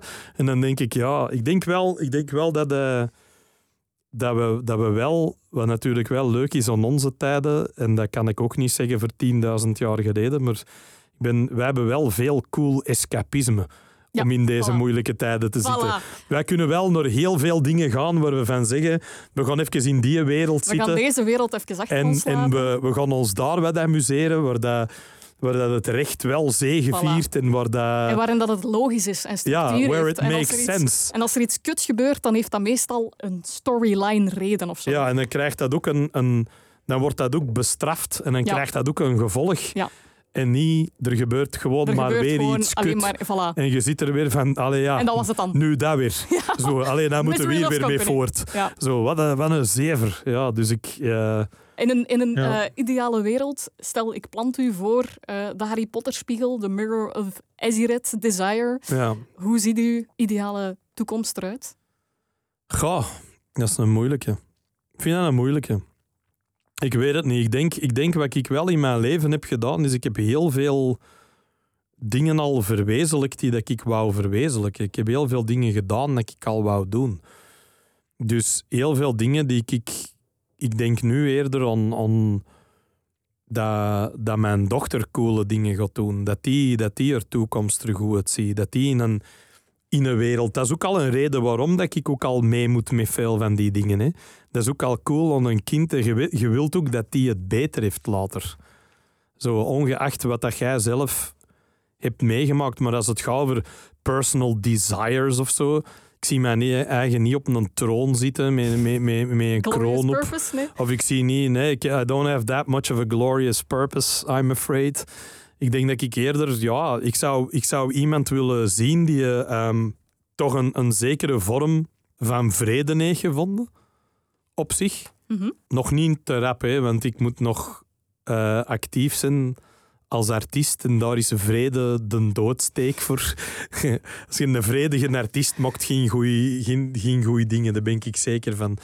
Dat, dat, moet, dat moet altijd vertrekken vanuit een soort conflict of drukmakerij of, of het is eender wat. Maar ik hoop wel dat wat ik wel voel met ouder te worden, maar ook bijvoorbeeld met die podcast te doen en met heel veel verschillende mensen te praten, is dat je wel zo... Ik kan niet meer zo ongenuanceerd alleen maar kwaad op iemand zijn. Dat wordt moeilijker. En dat is tegelijkertijd voor mijn job ook moeilijk. Maar dan moet ik ook proberen van dat in te vullen, dat dat nog altijd blijft kloppen. Mm. Ik wil ook niet de kwaaie man spelen. Dat, dat wil ik niet doen. Ik wil er niet alleen maar gaan staan en roepen tegen van alles, omdat dat dan hetgeen is dat er van u verwacht wordt. Want dan zit je ook maar dat, hè. Dan, je, dan doe je, speel je ook maar een rolletje. En mijn rol is... Ja... Zeg het, daarom zeg ik ook zo'n fan van Loki. Hè. Je, soms zit het een bad guy, soms zit het een good guy. En eigenlijk zit het die gast die van binnen wel zegt, ja, op het einde van een dag wil ik wel de goeie zijn. Wil ik wel die ene zijn dat, dat mensen naar luisteren en zeggen, oké, zo hij is soms wat kassant links en rechts. Het is soms Maar met een groot bakje met een klein doet- haartje. Doe soms zeer, maar, maar wat hem zegt is, de, de point is wel, is wel goed. Hm. Zo, waar hem naartoe wilt, is wel verbetering. Is niet Ja. dingen slechter of erger maken. En dat is, dat is waarom dat... Wederom, om, om, om terug te komen op veel van de dingen dat ik hier gezegd heb, en op de kritiek dat ik soms krijg van je zit te streng voor links en niet genoeg voor rechts, dan denk ik altijd, joh, maar van nullen moet het komen. Het moet niet komen van mensen die dat zeggen, nee, nee, grenzen dicht en gedaan en ga en een vlag, hè, een regenboogvlag met een streep door en weg en LHBTQI, ah, dat is allemaal bullshit en, en, en, en genders is allemaal flauwekul en zo, ja, nee, daar komt het niet van. Zo, de, de progressie moet komen van de progressieve. Ja. Maar dan moeten ze wel niet vergeten van progressief te zijn. Want als je regressief gaat worden in je denken, dan you're gonna miss the point. Zo, En ook dat heel is, veel mensen verliezen onderweg. Natuurlijk. ja, en Ja. Dat, is, dat is misschien ook spijtig, want misschien heeft woke-up een wake-up call nodig. Hoe funny dat dat ook is. dat is een contradictio in terminis, maar dat is ook, eh, wat, wat ik ook zo grappig vind aan alt-right, de red pillars en Ja. woke, dat zijn dezelfde claims. Hè. Ja. Dat is claimen dat jij wakker bent en de wereld zie gelijk dat hem is De Matrix. en de rest slopt. Ja. En je denkt, En ja, de. Misschien, eh, maybe, hè, wat ik een interessant gegeven vond aan het moment in de tweede film van The Matrix, dat Neo in Zion die schepen tegenhoudt, dat ik denk, oh, so the red pill is also still in the Matrix. Zo, misschien zit hij gewoon altijd in de. Matrix. Misschien zit er gewoon altijd in de me- Misschien is het dat systeem dat jij meent te zien ook maar een systeem dat ze na gaan na lot zien. Misschien Ja. is er nog veel meer. Misschien is er nog veel minder. Misschien is, dat, is, het, is het ook alleen maar dat. Je kunt alleen maar rondlopen. Hè. Ik denk de, de oplossing voor racisme, hou je vast, ik kon het zeggen. Hè. Oh. Zijn er klaar voor? Voor de oplossing voor racisme? Ja? Iedereen luisteren nu. Hè. Doe dat gewoon niet. Nee, maar dat is kei stom. Maar bij u in de buurt, je kunt, ik weet niet, ik kan, ik kan geen systeem veranderen. Zo. Ik weet niet hoe dat ik erop moet beginnen. Man, ik krijg, ik krijg drie kwart van, ik krijg maar een boodschappenlijst al amper georganiseerd. Laat staan dat ik kan zeggen, ik ga het systeem neerhalen. Ja, ja. Dan denk ik, nee, maar wat je wel kunt doen is, ja, als jij een appartement te huren en iemand belt en zegt ik zou willen huren en die heeft geen Vlaamse achternaam, kun je ook zeggen, ja no problem. Ja, ja. Huur dat maar. Ja. Ziet kei stom, hè? Dat zijn kei belachelijke kleine dingen. Maar als meer en meer mensen dat constant meemaken, dan lost er wel heel veel op. dat is waar.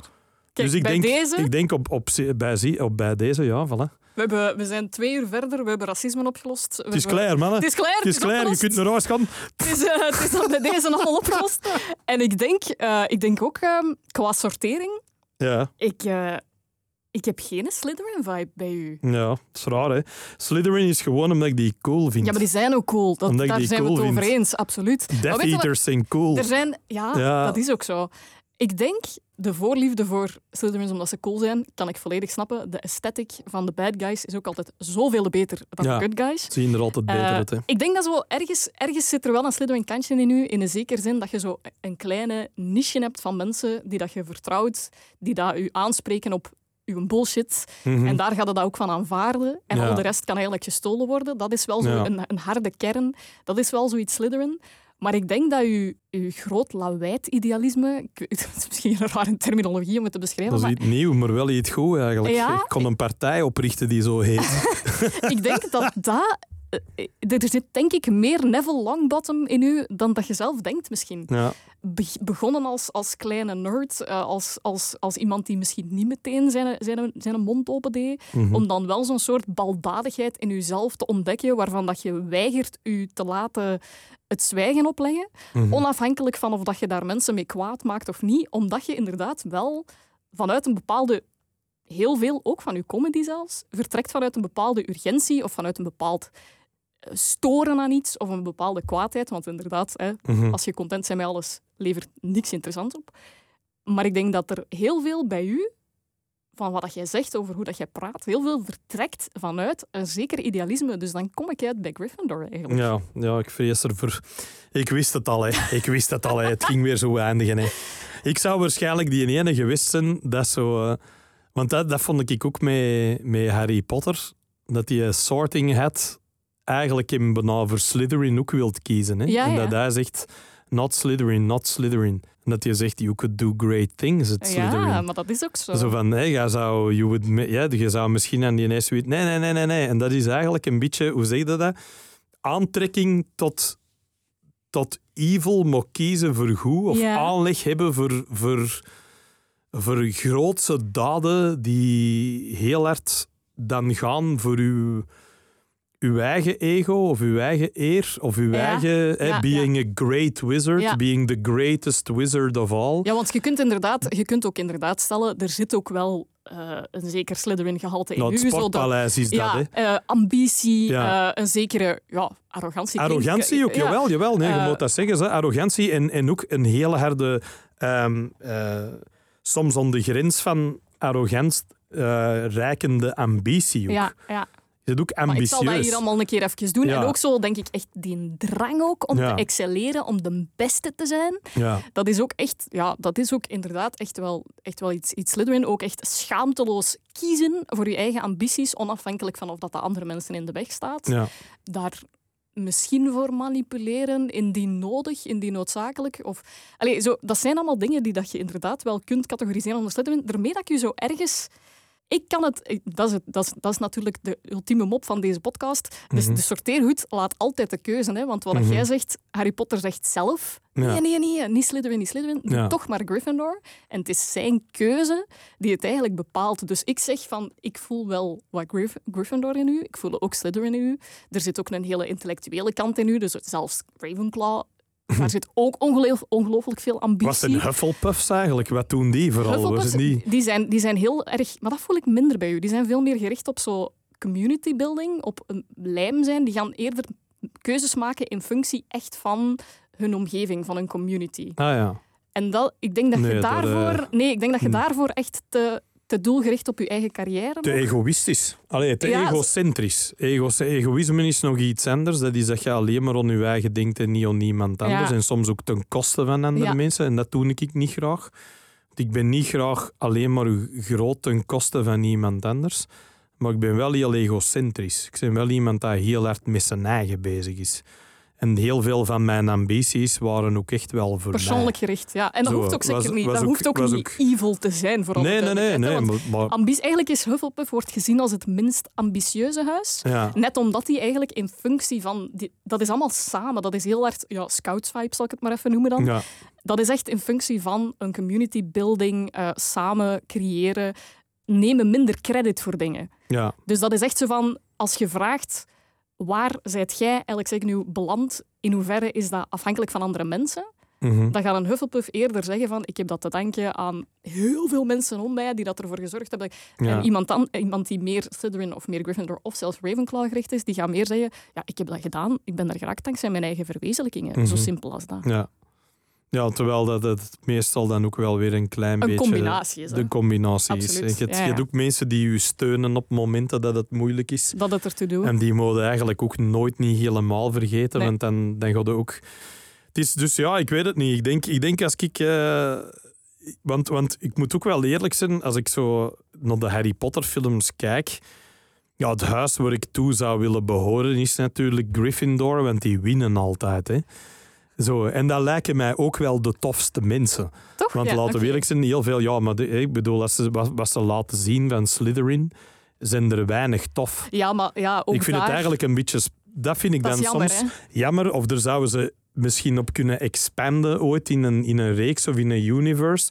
Dat je ook een Slytherin krijgt die dat daar zit, omwille van die ambitie en die kracht, Mhm. maar niet noodzakelijk to be evil. Hè, want, want als je...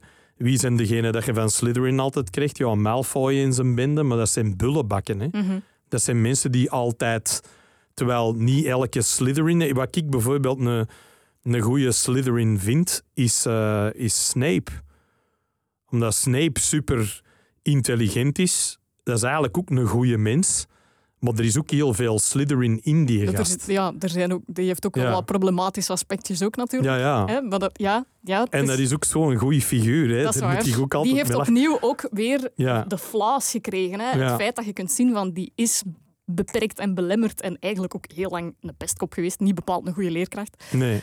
Eh, didactisch valt daar Ja, wel een, op aan te merken. een gepeste dan een pester geworden is, eigenlijk, basically. Hè. En ook iemand die...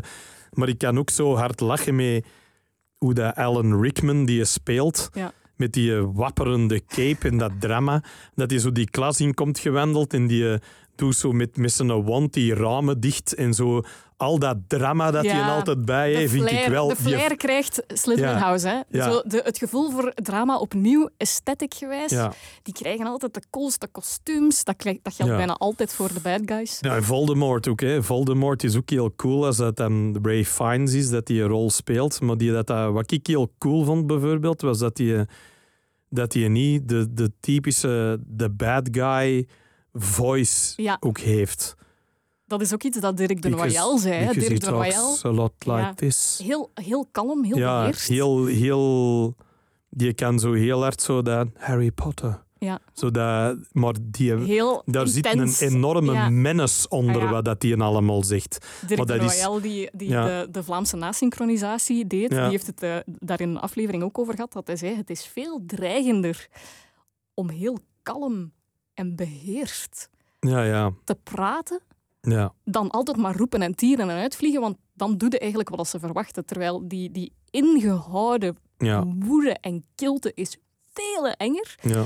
En dat, dat, ja, die delivery is... Dat is ook zo cool aan, aan, aan Thanos. Hè. Als die zo eh, in, in de- de- die, die, die een bijna innerlijke monoloog dat hij heeft, als die geïntroduceerd wordt, hoe dat hij praat, dat is allemaal zo heel Traag.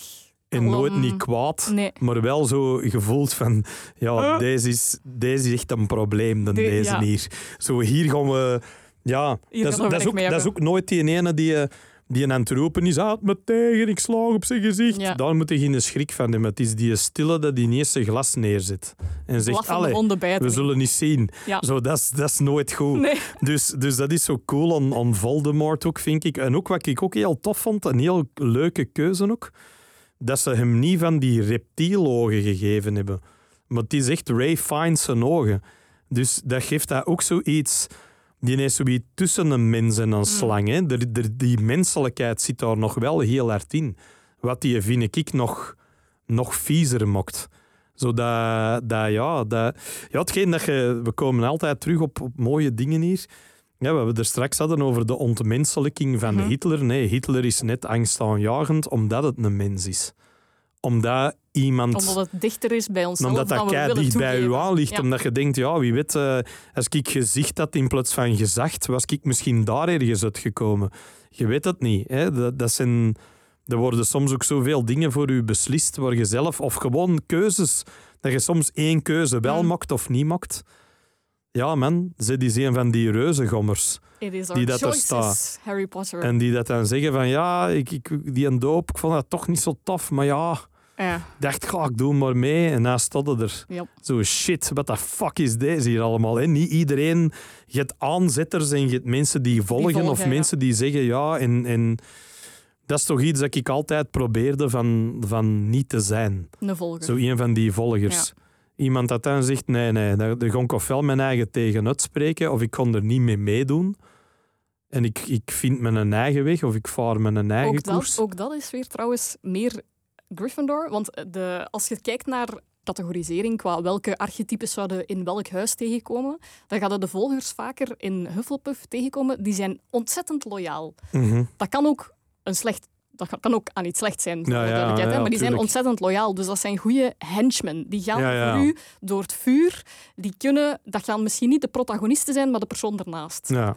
En Gryffindors gaan wel vaak de protagonisten zijn. Waarom? Dat zijn degenen die dat, het verhaal gaan leiden. Die de Ja. koers gaan zetten Ja. waar andere mensen achtervolgen. Ja. En dat, dat klopt voor zowel Gryffindor als voor Slytherin. Dus ook daar zitten dan weer allebei in dat Ja, die liggen natuurlijk ook het dichtste Dicht tegen elkaar. elkaar. Dat zijn de twee zogenaamde tegenpolen, maar dat is gewoon de, ja, hoe zeg je dat? De, de, dat zijn de twee die dat, die dat eigenlijk, ja, zoals altijd, hè, al, de, al degenen die het meeste ruzie met elkaar Ja. maken, die moeten meestal, zo, als ze lang genoeg kijken, toegeven dat ze vooral te veel op elkaar lijken, Ja. dikwijls. Ja. En dat ze gewoon even anders invullen hoe dat ze zien dat, dat, dat, het, dat het zogezegd het juiste is. Maar het juiste is voor allebei, ligt dat vaak dichter tegen elkaar dan dat ze zou willen opnieuw toegeven. willen toegeven. Ja, absoluut. Dus ja, ik denk, eh, ik denk dat een Gryffindor, die dat in de verkeerde, de verkeerde keuzes maakt, Ja. even vreselijk ja, is als een Slytherin. Sowieso. Dat zijn degenen die, die altijd het ook- meeste schade gaan aanrichten. Absoluut, hè. want je kunt ook doorslaan in uw, uw strijd voor idealisme. Ja, Kan ook gewoon doorslaan in de verkeerde richting. hè. Ja, tuurlijk. Dus, eh, en dat zien, we, dat zien we tegenwoordig ook veel. Hè? Dat, eh, in, in de zin van, de- niet noodzakelijk in dat er zo'n figuur is waar je schrik van moet hebben, maar wel in een, in een soort mentaliteit dat angstaanjagend wordt. Waar je van denkt, ja... Hè, tegelijkertijd heb je in de wereld een hele hoop figuren die onder de macht zijn, waar je van denkt, ah, daar moeten we toch dringend eens een beetje van afgeraken. Aan de andere kant, door wat gaat dat vervangen? Dat weten we ook niet altijd. Soms gaat degene die een even ambitieus en even sterk en even krachtig is, even vreselijk zijn als die een de macht is. Dus je weet dat niet. Allee, ja. Ik ben al in ieder geval blij dat we van Donald Trump vanaf zijn. Dat is al iets. Wie de, wie de, het is wel kalm gebeuren dan. Hè? Zo, Dat is uit, waar, het, uit, het, waar. uit, het, uit het Witte Huis, je wel zo weet. Sleepy Joe, eh, zoveel. Biden eh, zit ja, op zijn gemak. Hè, ja. Biden eh, zit gewoon te hopen dat hem zijn, het einde van zijn, Zijn term haalt. Ja, ja. Dus, dus ja. Ik ga, de, ik, ga, ik ga de bal in uw kamp leggen, as always. Ehm, Alex, zeg nu, welk huis wordt dat voor jou? Ah, eh, ja. ja, het zal toch Gryffindor zijn, zeker dan. Hè, uiteindelijk. het hart. Zo op het einde moet het toch... Op het einde denk ik dat het belangrijkste van allemaal is, als je toch moet kiezen, dan denk ik dat ik wil de coolheid van de bad guys, Mhm. but you kind of want to be the good guy. Je kunt ook gewoon een Gryffindor zijn met een leren frak. Hè. Ja, dat is ook waar. Het zijn een die. Voilà. Die, die, die, oh, de die, ja. Oh, zo die voze pseudo-rebel. Ja, zo, de, denkt, de ah. subversieve Gryffindor Ja, die altijd de, contraire yeah, moet doen. de Gryffindor die dat, dat de Slytherins-fans zeggen, oh, dat is precies zo, ook niet zo'n Ja. slechte gast. Zo die even ene- advocaat van de duivel spelen. Ja, mannen, zeg, ik moet Eventjes. even zeggen, Voldemort. Zijn het alleen allemaal maar nadelen? Dat is al dat ik vraag. Voilà, kijk. We hebben het gevonden. voilà. Ik ben, eh, ik ben een Slitherdor. Een Slytherin Of of, een, een Griff, Griffin. Griffer, Griff, Grifferin. Voilà. Ik weet het niet. I don't know. Schizofreen, gelijk alles Voilà. in mijn, eh, in mijn eh, persoonlijkheid. Geheel in stijl All met hoe over, deze... all over the place. Geheel in stijl ook met hoe contradictorisch deze aflevering is geweest. Voilà, kijk eh, hoe. We hebben racisme slash- opgelost. We hebben gezegd dat de nazi's eigenlijk een beetje woke waren. Eh, het slaagt op niks. Ja. Haatmails, je weet mij te vinden. Komt allemaal goed. Alex Agnew, eh, je weet mij te vinden. Peace Peace and love. En van deze Slytherin zal wel zijn. Gryffindor. peace and love eh, hate and war. Geniet ervan. Alex, merci. Eh, zeer graag gedaan. En daarmee mag de sorteergoed weer een week de kast in. Dit was The Sorting Hat Revisited voor deze week.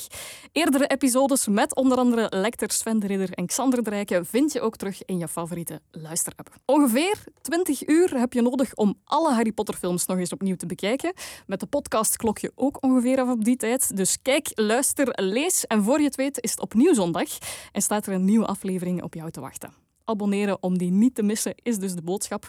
En een review in de Daily Profit achterlaten, dat wordt moeilijk, maar de podcast raten kan wel.